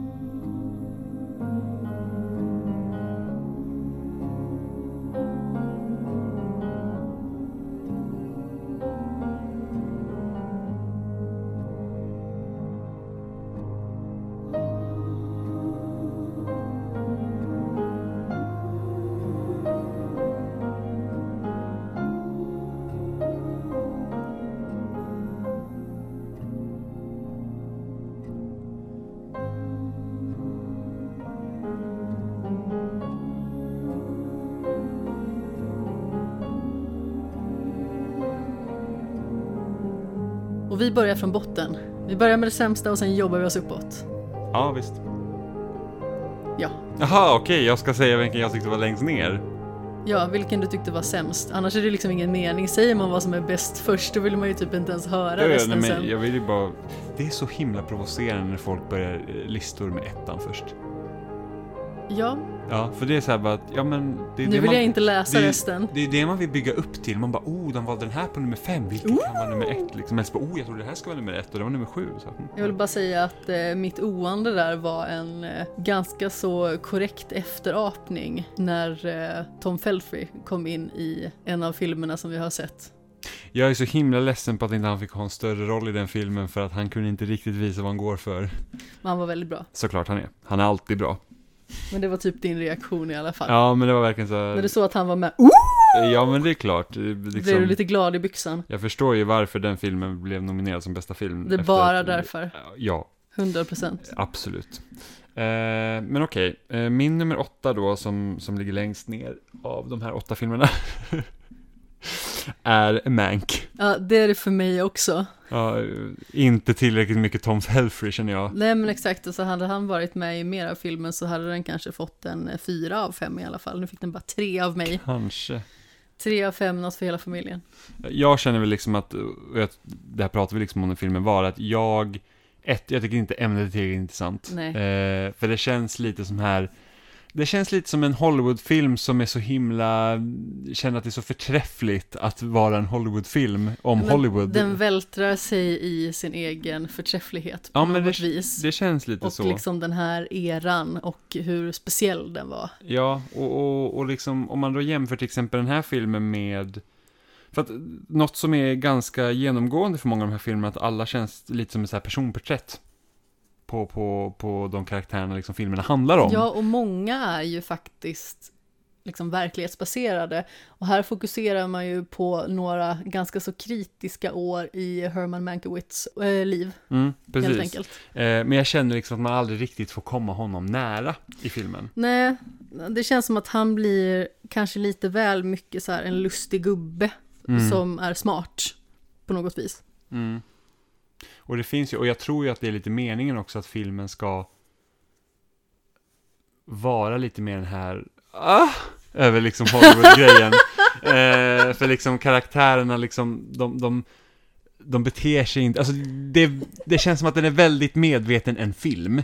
Och jag tror lite det är tanken också. Förmodligen, det är nog Eh, ett stilgrepp de liksom har gjort medvetet. Precis, och det ska jag kunna tänka mig, men eh, som sagt, jag eh, inte överdrivet förtjust. Men det är väldigt synd att filmen ändå blev en besvikelse på något vis. För att vi har en kanonregissör, vi har Gary Oldman, vi har många bra skådespelare och skådespelerskor som är med och gör liksom hyfsat schyssta roller. Men problemet är att sammanhängande som film så är den liksom inte speciellt intressant. Det var ju den film som jag tyckte absolut kändes längst. Mm. Det kändes som att den tog liksom aldrig slut. Och Mm. när man liksom det minsta började bry sig, då var den typ slut. Ja, men precis. Det tog för lång tid innan det fanns någonting att bry sig om överhuvudtaget. Mm. Jag menar, Lily Collins är bra, vi har eh, Tom Felfrey som sagt som är bra. Nu sitter Jimmy och eh, gestikulerar obscent här.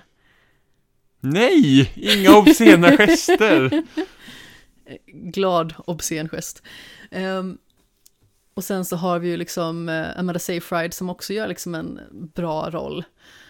Uh, vad var det mer jag tänkte på? Ja, hur som haver, det är inte så jätteviktigt. Det här var filmen som vi tyckte sämst om helt enkelt. Och uh, den var liksom inte tillräckligt sammanhängande, den var inte tillräckligt intressant.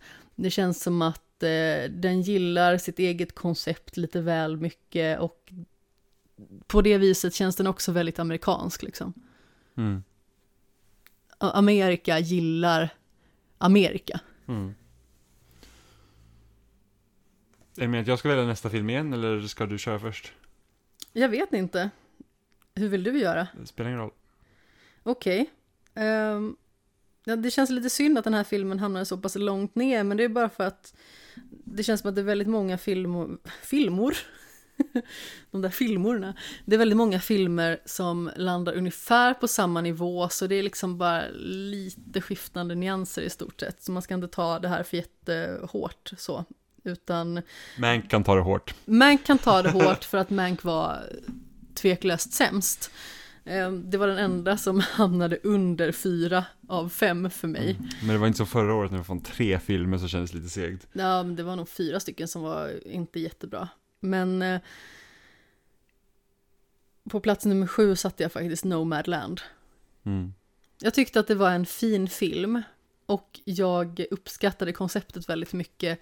Just i det här också hur det dokumentära i det blev liksom så centralt, även att det liksom inte var en dokumentärfilm utan en spelfilm.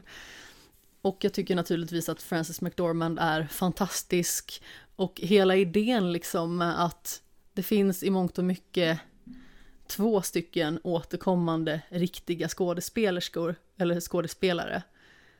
Och resten är riktiga nomader. Mm. Och jag tycker att det är liksom ett väldigt intressant grepp för att det gör att filmen känns mycket mer autentisk. Sen så tyckte jag att jag kanske inte riktigt kände så mycket som jag hade velat känna i den.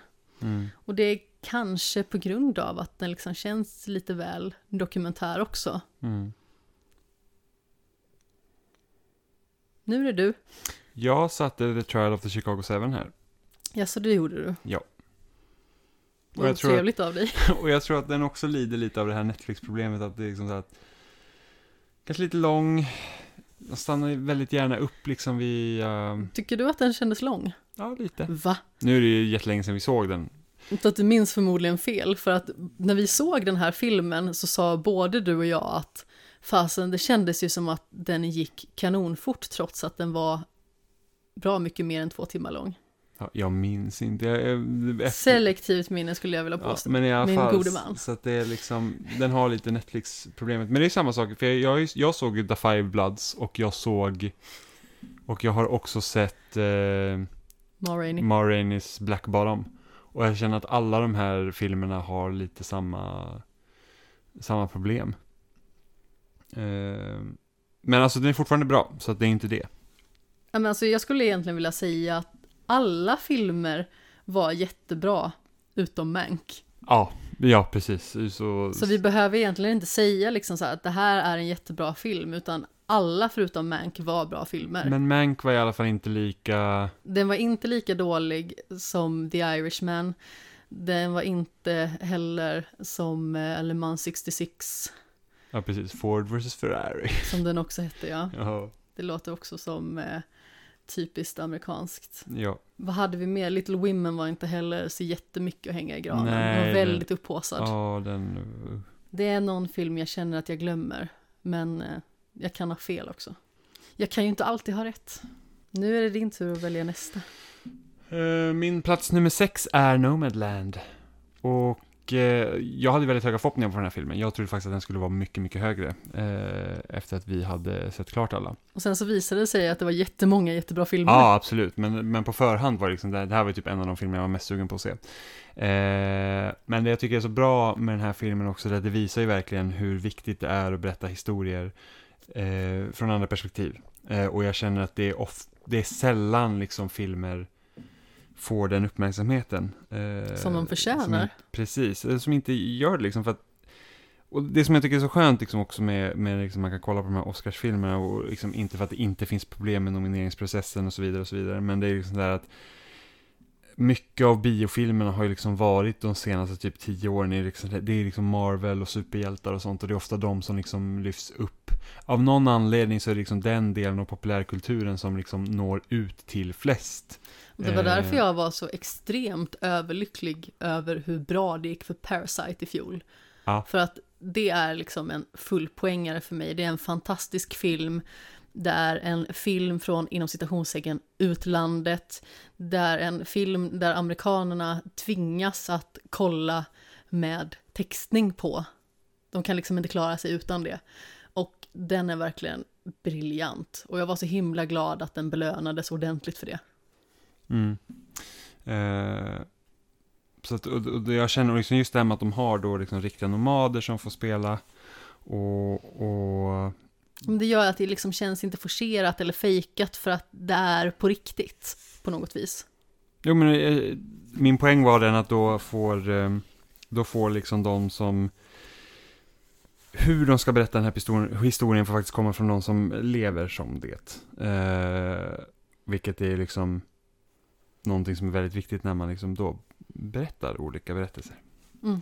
Att det måste liksom komma från rätt håll. Och sen finns det ju, det är alltid sån diskussion också, vem, vem, vem har rätten att berätta vad och sådana saker. Eh, men... Eh, det, det är därför på sätt och vis det nästan är lite synd att det liksom inte bara var nomader. Men jag förstår ju samtidigt varför de gjorde som de gjorde. Ja, ja absolut. Eh, men det är också därför jag tror att eh, Francis McDermotts eh, karaktär inte tar så stor plats heller. Nej, men exakt. Liksom, är rätt så tillbakadragen och ja, ganska så lågmäld. Även om hon är med hela tiden såklart och med mest så känner jag liksom att det är inte det är de andra karaktärerna och vad de gör som man nästan mest kommer ihåg. Um, men samtidigt så alltså det, jag tänker mer och mer på filmen, jag tycker, jag tycker nog om den rätt så mycket. Mm. Och just det här med att hon förlorar liksom allt efter finanskrisen och sen man liksom och folk Hon har förlorat sin man. Ja, sin man och då bodde de i den här liksom staden då som egentligen helt enbart och där vi också liksom kommer här till kapitalismkritik, liksom att det var en stad som är byggd i princip åt det här företaget, alla som bor där jobbar på det här företaget. Ja, och vad händer när det går åt skogen? Ja men precis, och då liksom helt plötsligt har hon ingenting igen och då är det så här att men varför Hon gillar liksom att bo där, vad, vad liksom Vad ska hon göra sen? Hon vill liksom inte Alltså man vill liksom leva utanför samhället, liksom. samhället har redan svikit en och liksom att man, man kanske börjar märka att de här systemen som finns, de funkar liksom inte. Är, varför, varför ska det här vara liksom så man måste leva? Och då kanske man går åt ena extremen istället. Mm. Men jag tyckte ändå att det kändes som att hon var på något vis en fin berättare i att förmedla andras berättelser. Mm. Ska vi gå vidare på min? Och där har jag satt eh, min Ari. Förlåt, det var jättedåligt av mig. Men min Ari i alla fall har jag satt på plats nummer sex. Och eh, det var också en film som var alltså, väldigt intressant gjord just för att de har ju så himla mycket problem att tampas med hela tiden och det känns som att de söker ganska så mycket efter den amerikanska drömmen men de kommer inte riktigt dit och de är liksom inte riktigt överens om vad den är heller. För pappan i familjen vill ju så himla gärna att de ska ha den här lilla gården och att det är på det viset de ska försörja sig. De vill liksom inte sitta och kolla vilket kön som eh, kycklingar är liksom för att sortera dem hela livet, utan han har liksom sin vision och vad han vill göra är väldigt viktigt för honom. Eh, och sen så har vi ju mammans vision som istället liksom är att de på något vis ska leva lyckliga tillsammans som familj. Mm. Så det känns ju som att eh, rent objektivt så är ju den amerikanska drömmen någonting. Men den är också subjektiv för de som söker efter den, eller vad man ska säga. Jo, men alltså jag skulle ändå säga att den amerikanska drömmen är en myt. Eh, den existerar inte och speciellt inte för då en, eh, eller det är ju mycket svårare för en, en, en, invandrarfamilj då att klara det. Men sen har du också de att att komma in i samhället helt enkelt. Ja, precis. Eh, och speciellt då när man liksom får då jobb inom eh, liksom där det bara bor, alltså där det är bara människor som också är invandrare som inte pratar språk och sådana grejer så det är svårt att liksom komma in i samhället helt och hållet. Eh, men eh, samtidigt har ju då om man ska till den då amerikanska drömmen så finns det ju två aspekter här och det är ju först kärnfamiljen som då hon får representera eh, och sen har du då den här jag har, jag skapar min egen lycka, jag har liksom min egen gård och jag kan skapa min egen eh, rikedom som är makens dröm då, Mm. genom hans gård. Och de går inte, precis, de går inte mer hårt. Eh, och sen så har vi ju liksom mormon som kommer in där som representerar det gamla, det som de faktiskt har lämnat efter sig och någonting som kanske går att längta efter i vissa aspekter, men det blir också ett sätt att påminna om varför de lämnade från första början. Mm. Ja, jag skulle också säga att mormor liksom eh, representerar lite det, hur verkligheten faktiskt ser ut. Och hon representerar också i allmänhet bara en galen tant. Ja, oh, hon är en galen tant. Men hon är liksom, hon känns som verkligheten för att hon har ju liksom varken så här att hon bara, ja men det är lite konstigt liksom här att vi ska bo i det här huset som knappt fungerar, så kan vi inte riktigt ha det. Samtidigt är hon så här att, ja men jag kan också plantera en massa saker, jag vet också hur det fungerar för att jag kan.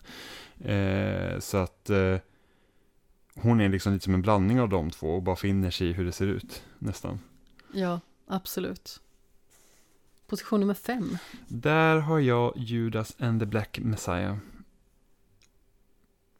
Ska jag säga nu tänkte du? Nej, jag vet inte, om du har samma så kan du säga det. Nej. Nej, men då så.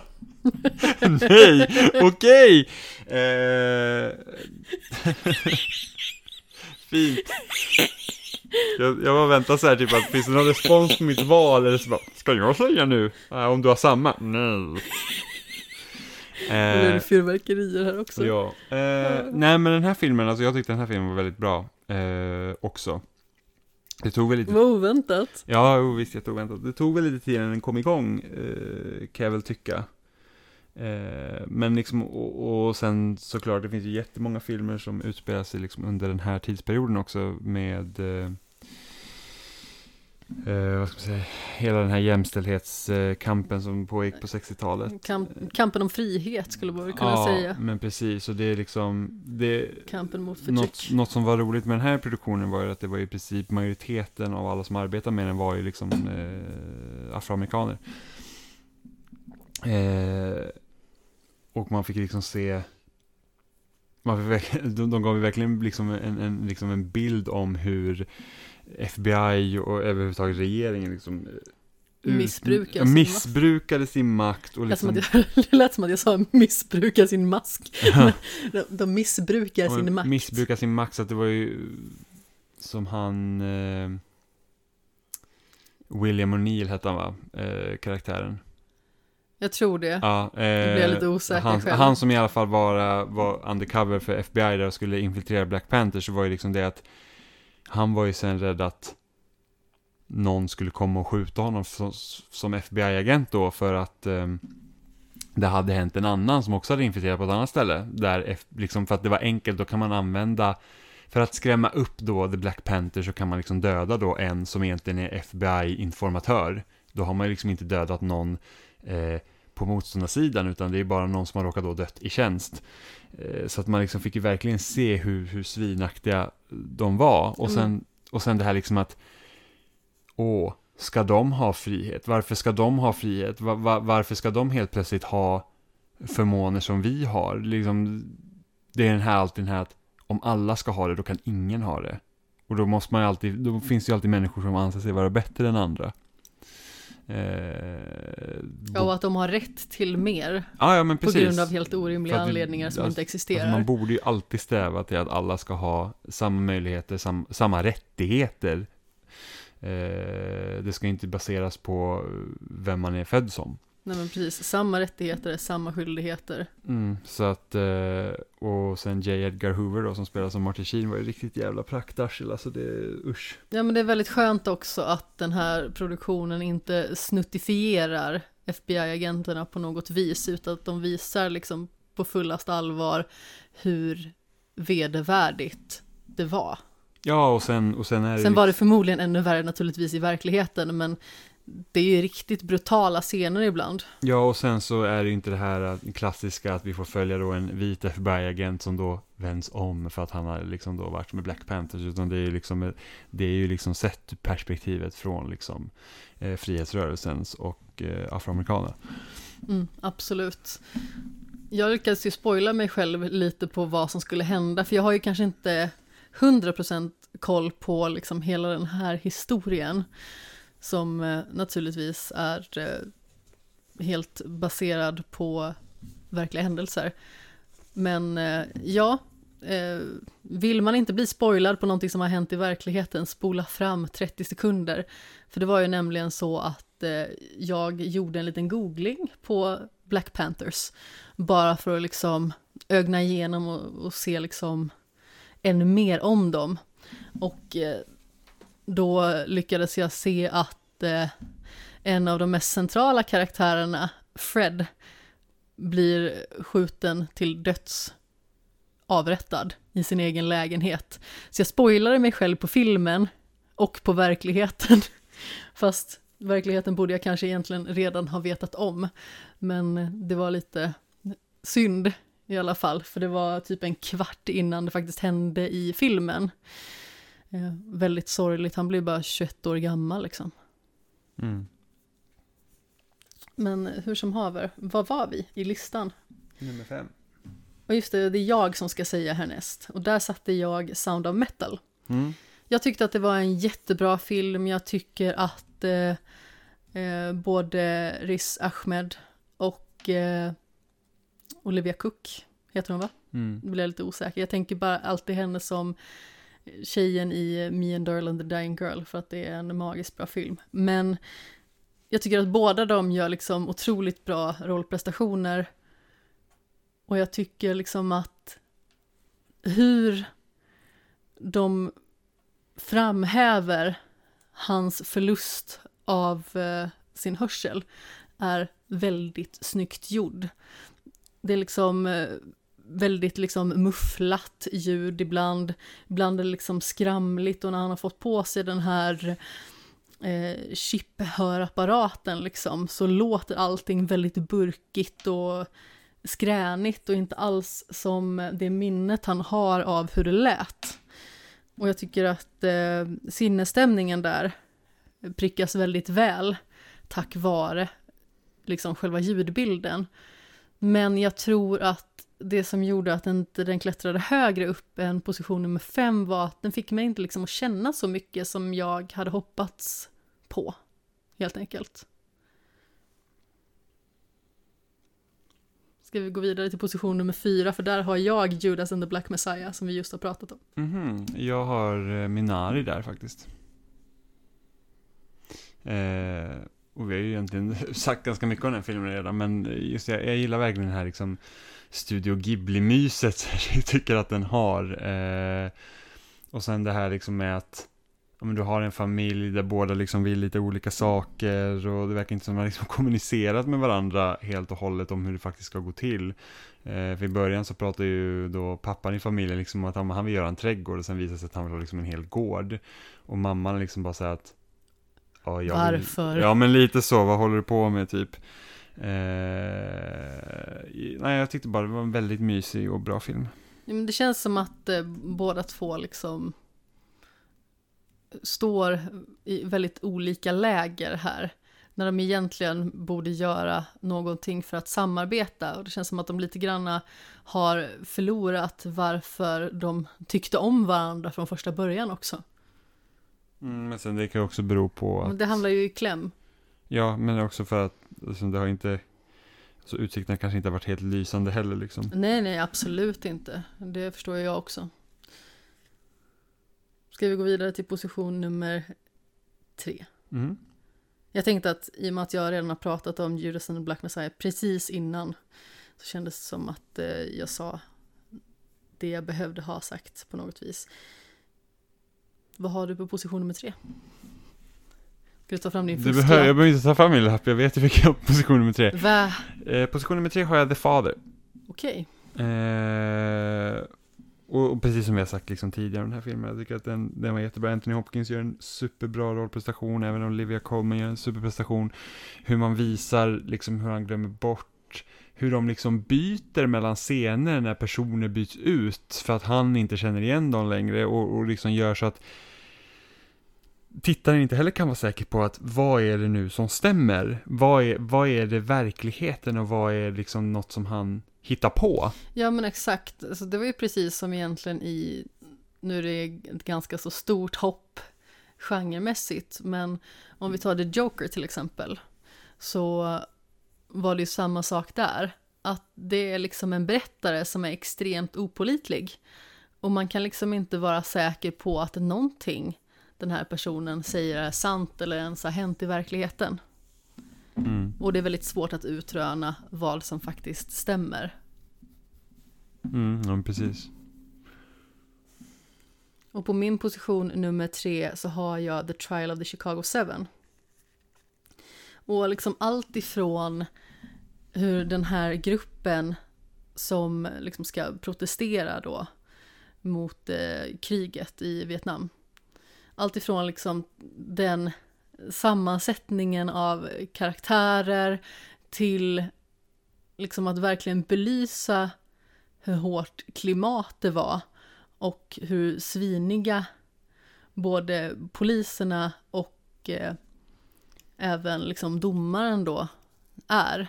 Hur man, precis som i eh, Judas and the Black Messiah, eh, verkligen missbrukar sin makt och eh, det faktum att man sitter liksom i en position där man kan styra och ställa väldigt mycket som man vill utan att få konsekvenser.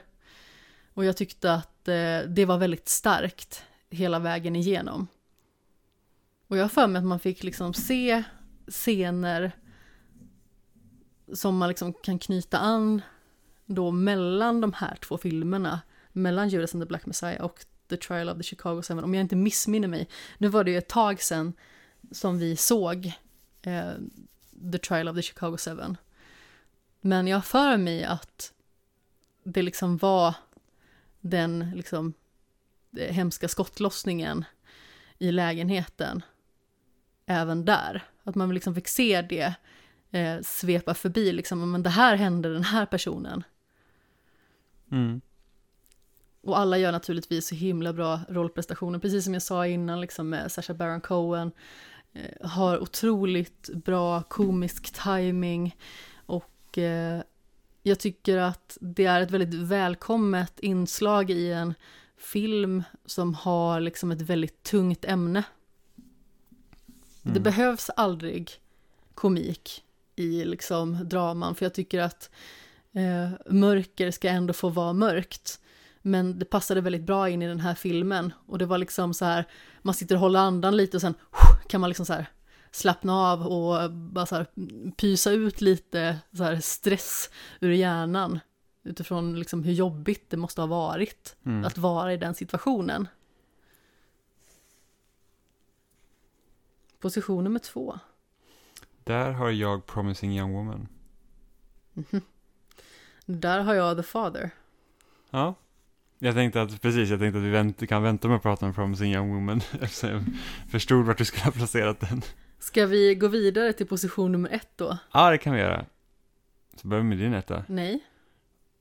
Nej! Nej. Nej! Okej, men jag hade Sound of Metal Ja. på position nummer ett. Och där hade jag såklart, om man liksom inte hade listat ut det redan, för att jag har talat så extremt gott om den, eh, Promising Young Woman, som fick högst betyg. Och eh, precis som jag sa tidigare, jag blev verkligen typ chockad chockad över hur bra den filmen var. Den var verkligen inte på min radar överhuvudtaget. Och sen så bara kom den in, tog mig med storm, älskar allting med filmen, tycker att den är kanon. Den belyser väldigt viktiga ämnen. Samtidigt som den liksom varierar så otroligt mycket mellan olika genrer. Men det blir inte klumpigt och inte fumligt på något vis utan det vävs samman väldigt snyggt. En sak som jag också gillar det är liksom musik i den här filmen för de har gjort såna här eh, skumma versioner av olika typer av låtar. Mm. Vilket är väldigt intressant. Eh, och musiksättningen passar väldigt bra hela tiden i hela filmen.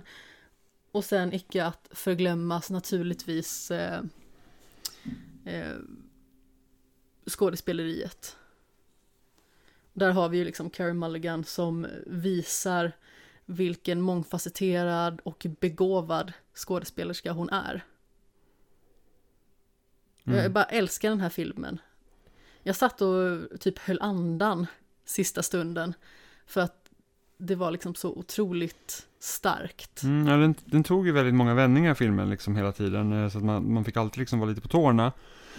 Eh, och det jag tycker är som mest fascinerande med den för att den börjar ju nästan liksom med en sån här att, ja men hon är ju så här jättefull på en bar och sen är det liksom då en kille som plockar eh, Spelad av Adam Brody. Ja men precis, eh, som plockar upp henne då och liksom ska hjälpa henne hem då. För att, för att det, det filmen gör är att den liksom tar den här att det handlar ju liksom mycket om våldtäkt. Eh, och, och, Sexuellt Ja, utnyttjande precis. helt enkelt av eh, kvinnor i olika typer av situationer och framförallt då kvinnor som är alkoholpåverkade. ja men precis. Eh, och och då, då tar man liksom, och precis som många är så här att, ja men hur, hur ser en våldtäktsman ut? Jo, det är någon som hoppar fram eh, från mörkret och attackerar. Eh, men den här filmen tar utgångspunkt att så är det ju inte, utan det är ju faktiskt så här att snubbar som anser sig då vara the nice guy eh, är ju liksom precis lika skyldiga. Eh, och för att det är så det börjar liksom, för att när de sitter i baren och Ellen Brodys karaktär då, för då pratar ju hans kompisar väldigt så här, ganska så här, Sluskigt. ja precis, osnyggt eller liksom, Ovärdigt. o, ja men så här bara att, ja men titta, åh, hon är full liksom, där vore det typ enkelt, och han liksom den som kommer fram så här bara att, nej men alltså så där kan vi inte hålla på, jag hjälper henne hem. Och sen så, när hon typ är så pass redlös att hon knappt kan liksom säga vart hon bor, så bara, nej men vi åker hem till mig istället. Och sen så, eh, då, i princip så liksom försöker han ju då utnyttja det fullt ut. Han beter sig väldigt oanständigt Ja, om man uttrycker det milt. Precis, och det är där man får, det är där filmen liksom då, då liksom tar sin första vändning om vad det faktiskt handlar om, för att hon är ju egentligen inte full, hon har ju bara spelat. Hon har bara spelat hela vägen. Hon är spiknykter verkligen. Mm. Och, och, och trots att filmen behandlar sådana liksom tunga ämnen, så den vältar sig inte i någon form av grafiskt eh, våld på det sättet, utan den, den är väldigt suggestiv och den liksom visar ingenting, så att, att många gånger kan jag känna att filmer som ha- handlar sådana här ämnen, då är det nästan så att folk vill se det här hemska, liksom att om man vill se själva liksom akten av, av liksom Ja, men våld. gottas nästan i sådana här obehagligheter det typ så här zoomar in på obekväma vinklar och sånt och det känns väldigt skönt i den här filmen att man går inte dit utan i vissa lägen så insinuerar man att saker har hänt så får man nästan så här plussa ihop lite Ja, grann vad det är som har hänt. Så, så klipper de bort, så det, det tar ju lång tid liksom innan man förstår faktiskt vad det är hon gör. Mm, man tror exakt. att hon gör det på ett visst sätt, men hon kanske inte gör så. Eh, bara för att filmen går inte ut, det är liksom inte så man ser. nej. Det är inte det som är viktigt här, utan det är liksom, det är själva den här att Även den som anser sig då vara the good guy är inte det och sen som kvinna då så kan du aldrig vara säker på vem som är nej, och inte. Och att en våldtäktsman är liksom inte den här typ okände, liksom läskiga personen som, som hoppar fram i skurken. mörkret, även om det såklart finns, men ja. det är liksom, man får vara liksom försiktig överallt. Ja men precis, man kan aldrig liksom känna sig riktigt säker och jag tycker att det är någonting som filmen porträtterar så himla väl. Ehm, det är ju liksom väldigt lätt för män att säga inte alla män. Eh, vilket liksom kvinnor också naturligtvis förstår att det inte är. Men det är liksom extremt svårt att veta vilka män.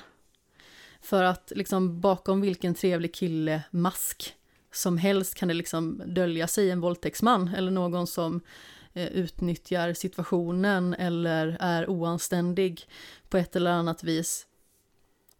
Och man kan liksom aldrig avgöra det på blotta ytan. Jag liksom reflekterade över det häromdagen, liksom att det var en person jag kände som var liksom så här väldigt foglig och allmänt snäll liksom i kontexten där jag stötte på honom. Eh, grät vid kritik liksom eh, och var liksom utåt väldigt känslig. Den personen blev dömd för våldtäkt för alltså ungefär ett år sedan. Eller någonting sådant. Och det sätter ju verkligen i perspektiv extra mycket då. Att man kan liksom inte riktigt fullt ut lita på någon. Om, I alla fall inte initialt. Eh, och i synnerhet liksom inte i en kontext där man liksom är väldigt utsatt. Till exempel då liksom kanske på ett uteställe eller eh, sådär. Eh, vilket också visas liksom i den här filmen där hon liksom i mångt och mycket får snubbar att plocka upp henne för att de tycker liksom att hon är ett lätt byte för att hon är så pass full. Eh, men som sagt, det är liksom inte bara i sådana kontexter utan det sker ju verkligen överallt. Och jag tror liksom att olika sorters våldtäkt behöver belysas så att framförallt liksom män förstår utsattheten som kvinnor får utstå. Det är liksom inte bara när man går i mörkret i en park där någon usling liksom hoppar ut ur en buske och tar tag i en. Utan det kan vara var som helst. Det kan liksom till och med vara i ens eget hem. Liksom stället där man ska känna sig som mest säker. Man går liksom kanske inte riktigt säker någonstans. Och det är det som är så himla hemskt. Och jag tror liksom att det är väldigt viktigt att väldigt många där ute måste lära sig att förstå det. Att bara för att det sker i ens egen säng så betyder inte det att det är samtycke. Och även om liksom en person säger nej, så bara för att det är hemma hos en själv liksom, då är det fortfarande ett ja. Eller så här, i olika kontexter så är det ändå ett ja, även att det är ett nej. Alltså det är så himla sjukt och snedvridet att man ens ska behöva diskutera det här. Och en sak som jag tycker är väldigt påtaglig och eh, som verkligen sätter fingret på liksom ett märkligt tänkande i den här filmen, det är flera gånger när folk liksom likt ett mantra då säger så här We were just kids. Som att det skulle rättfärdiga att en kvinna blir våldtagen, folk filmar, folk står och hejar på. Ja, det, det blir liksom så här att okej, okay, men och de var unga då och gjorde ett misstag. Okej, okay, men den här personen då som blir utsatt var också ung. Ja, men precis. Så att det är liksom så att va, va, varför skulle det ge dem någon ursäkt i att hon liksom blir behandlad på det sättet? Så det, så det visar ju liksom också så här att ans, ansvaret ligger ju fortfarande på dem. Även om de då var unga, även trots att alla var vuxna. Ja. Och jag tycker ändå att hon har ju liksom ett eh, kärleksintresse här. Men jag tycker att den gör hela den biten väldigt snyggt också, liksom att hon är väldigt liksom reserverad, hon är avvaktande, hon vill liksom inte komma den här personen nära från första början. Utan hon håller sig liksom väldigt mycket på behörigt avstånd. Och återigen, liksom alla de här vändningarna som filmen tar. Det är väldigt sällan som filmer på det viset överraskar en numera. Utan vissa grejer kan man ganska ofta liksom se komma. Men här var det liksom så här chockögonblick på chockögonblick utan att det på något vis liksom var Åh, kära någon! Utan att det liksom var sådär, oh, herregud, hände det där just? Och framförallt slutet, som jag naturligtvis inte ska spoila, det var verkligen så enormt överraskande. Det var någonting jag absolut inte hade kunnat se komma överhuvudtaget, hur mycket jag än hade fått spåna. Om jag ska vara helt ärlig. Mm. Har du någonting mer att säga om uh, Promising Young Woman? Nej, inte direkt.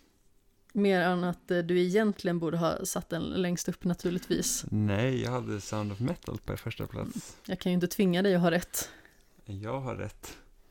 Eh, nej, jag tyckte, jag tyckte den filmen verkligen var jättebra. Jag tyckte den visar verkligen hur, men hur det kan vara liksom att, att, att, att få liksom, vad ska man säga, en kronisk sjukdom. Nu är inte han sjuk egentligen, utan han är liksom han håller på att bli Ett död. kroniskt Men det är fortfarande ett kroniskt tillstånd liksom, och acceptera det och liksom bara det var, liksom måste gå igenom att först vara så här att, ja men det löser sig, det finns de här, de här grejerna som man kan göra.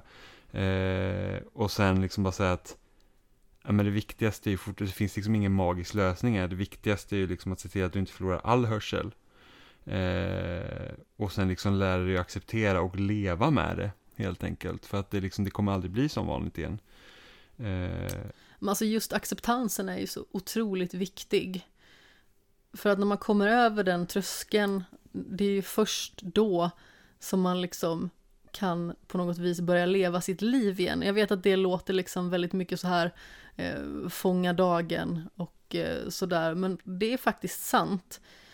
För att när man liksom ställs inför en tuff situation, oavsett om det liksom gäller sjukdom eller andra liksom besvärande tillfällen liksom i ens liv. Så just att man liksom accepterar läget.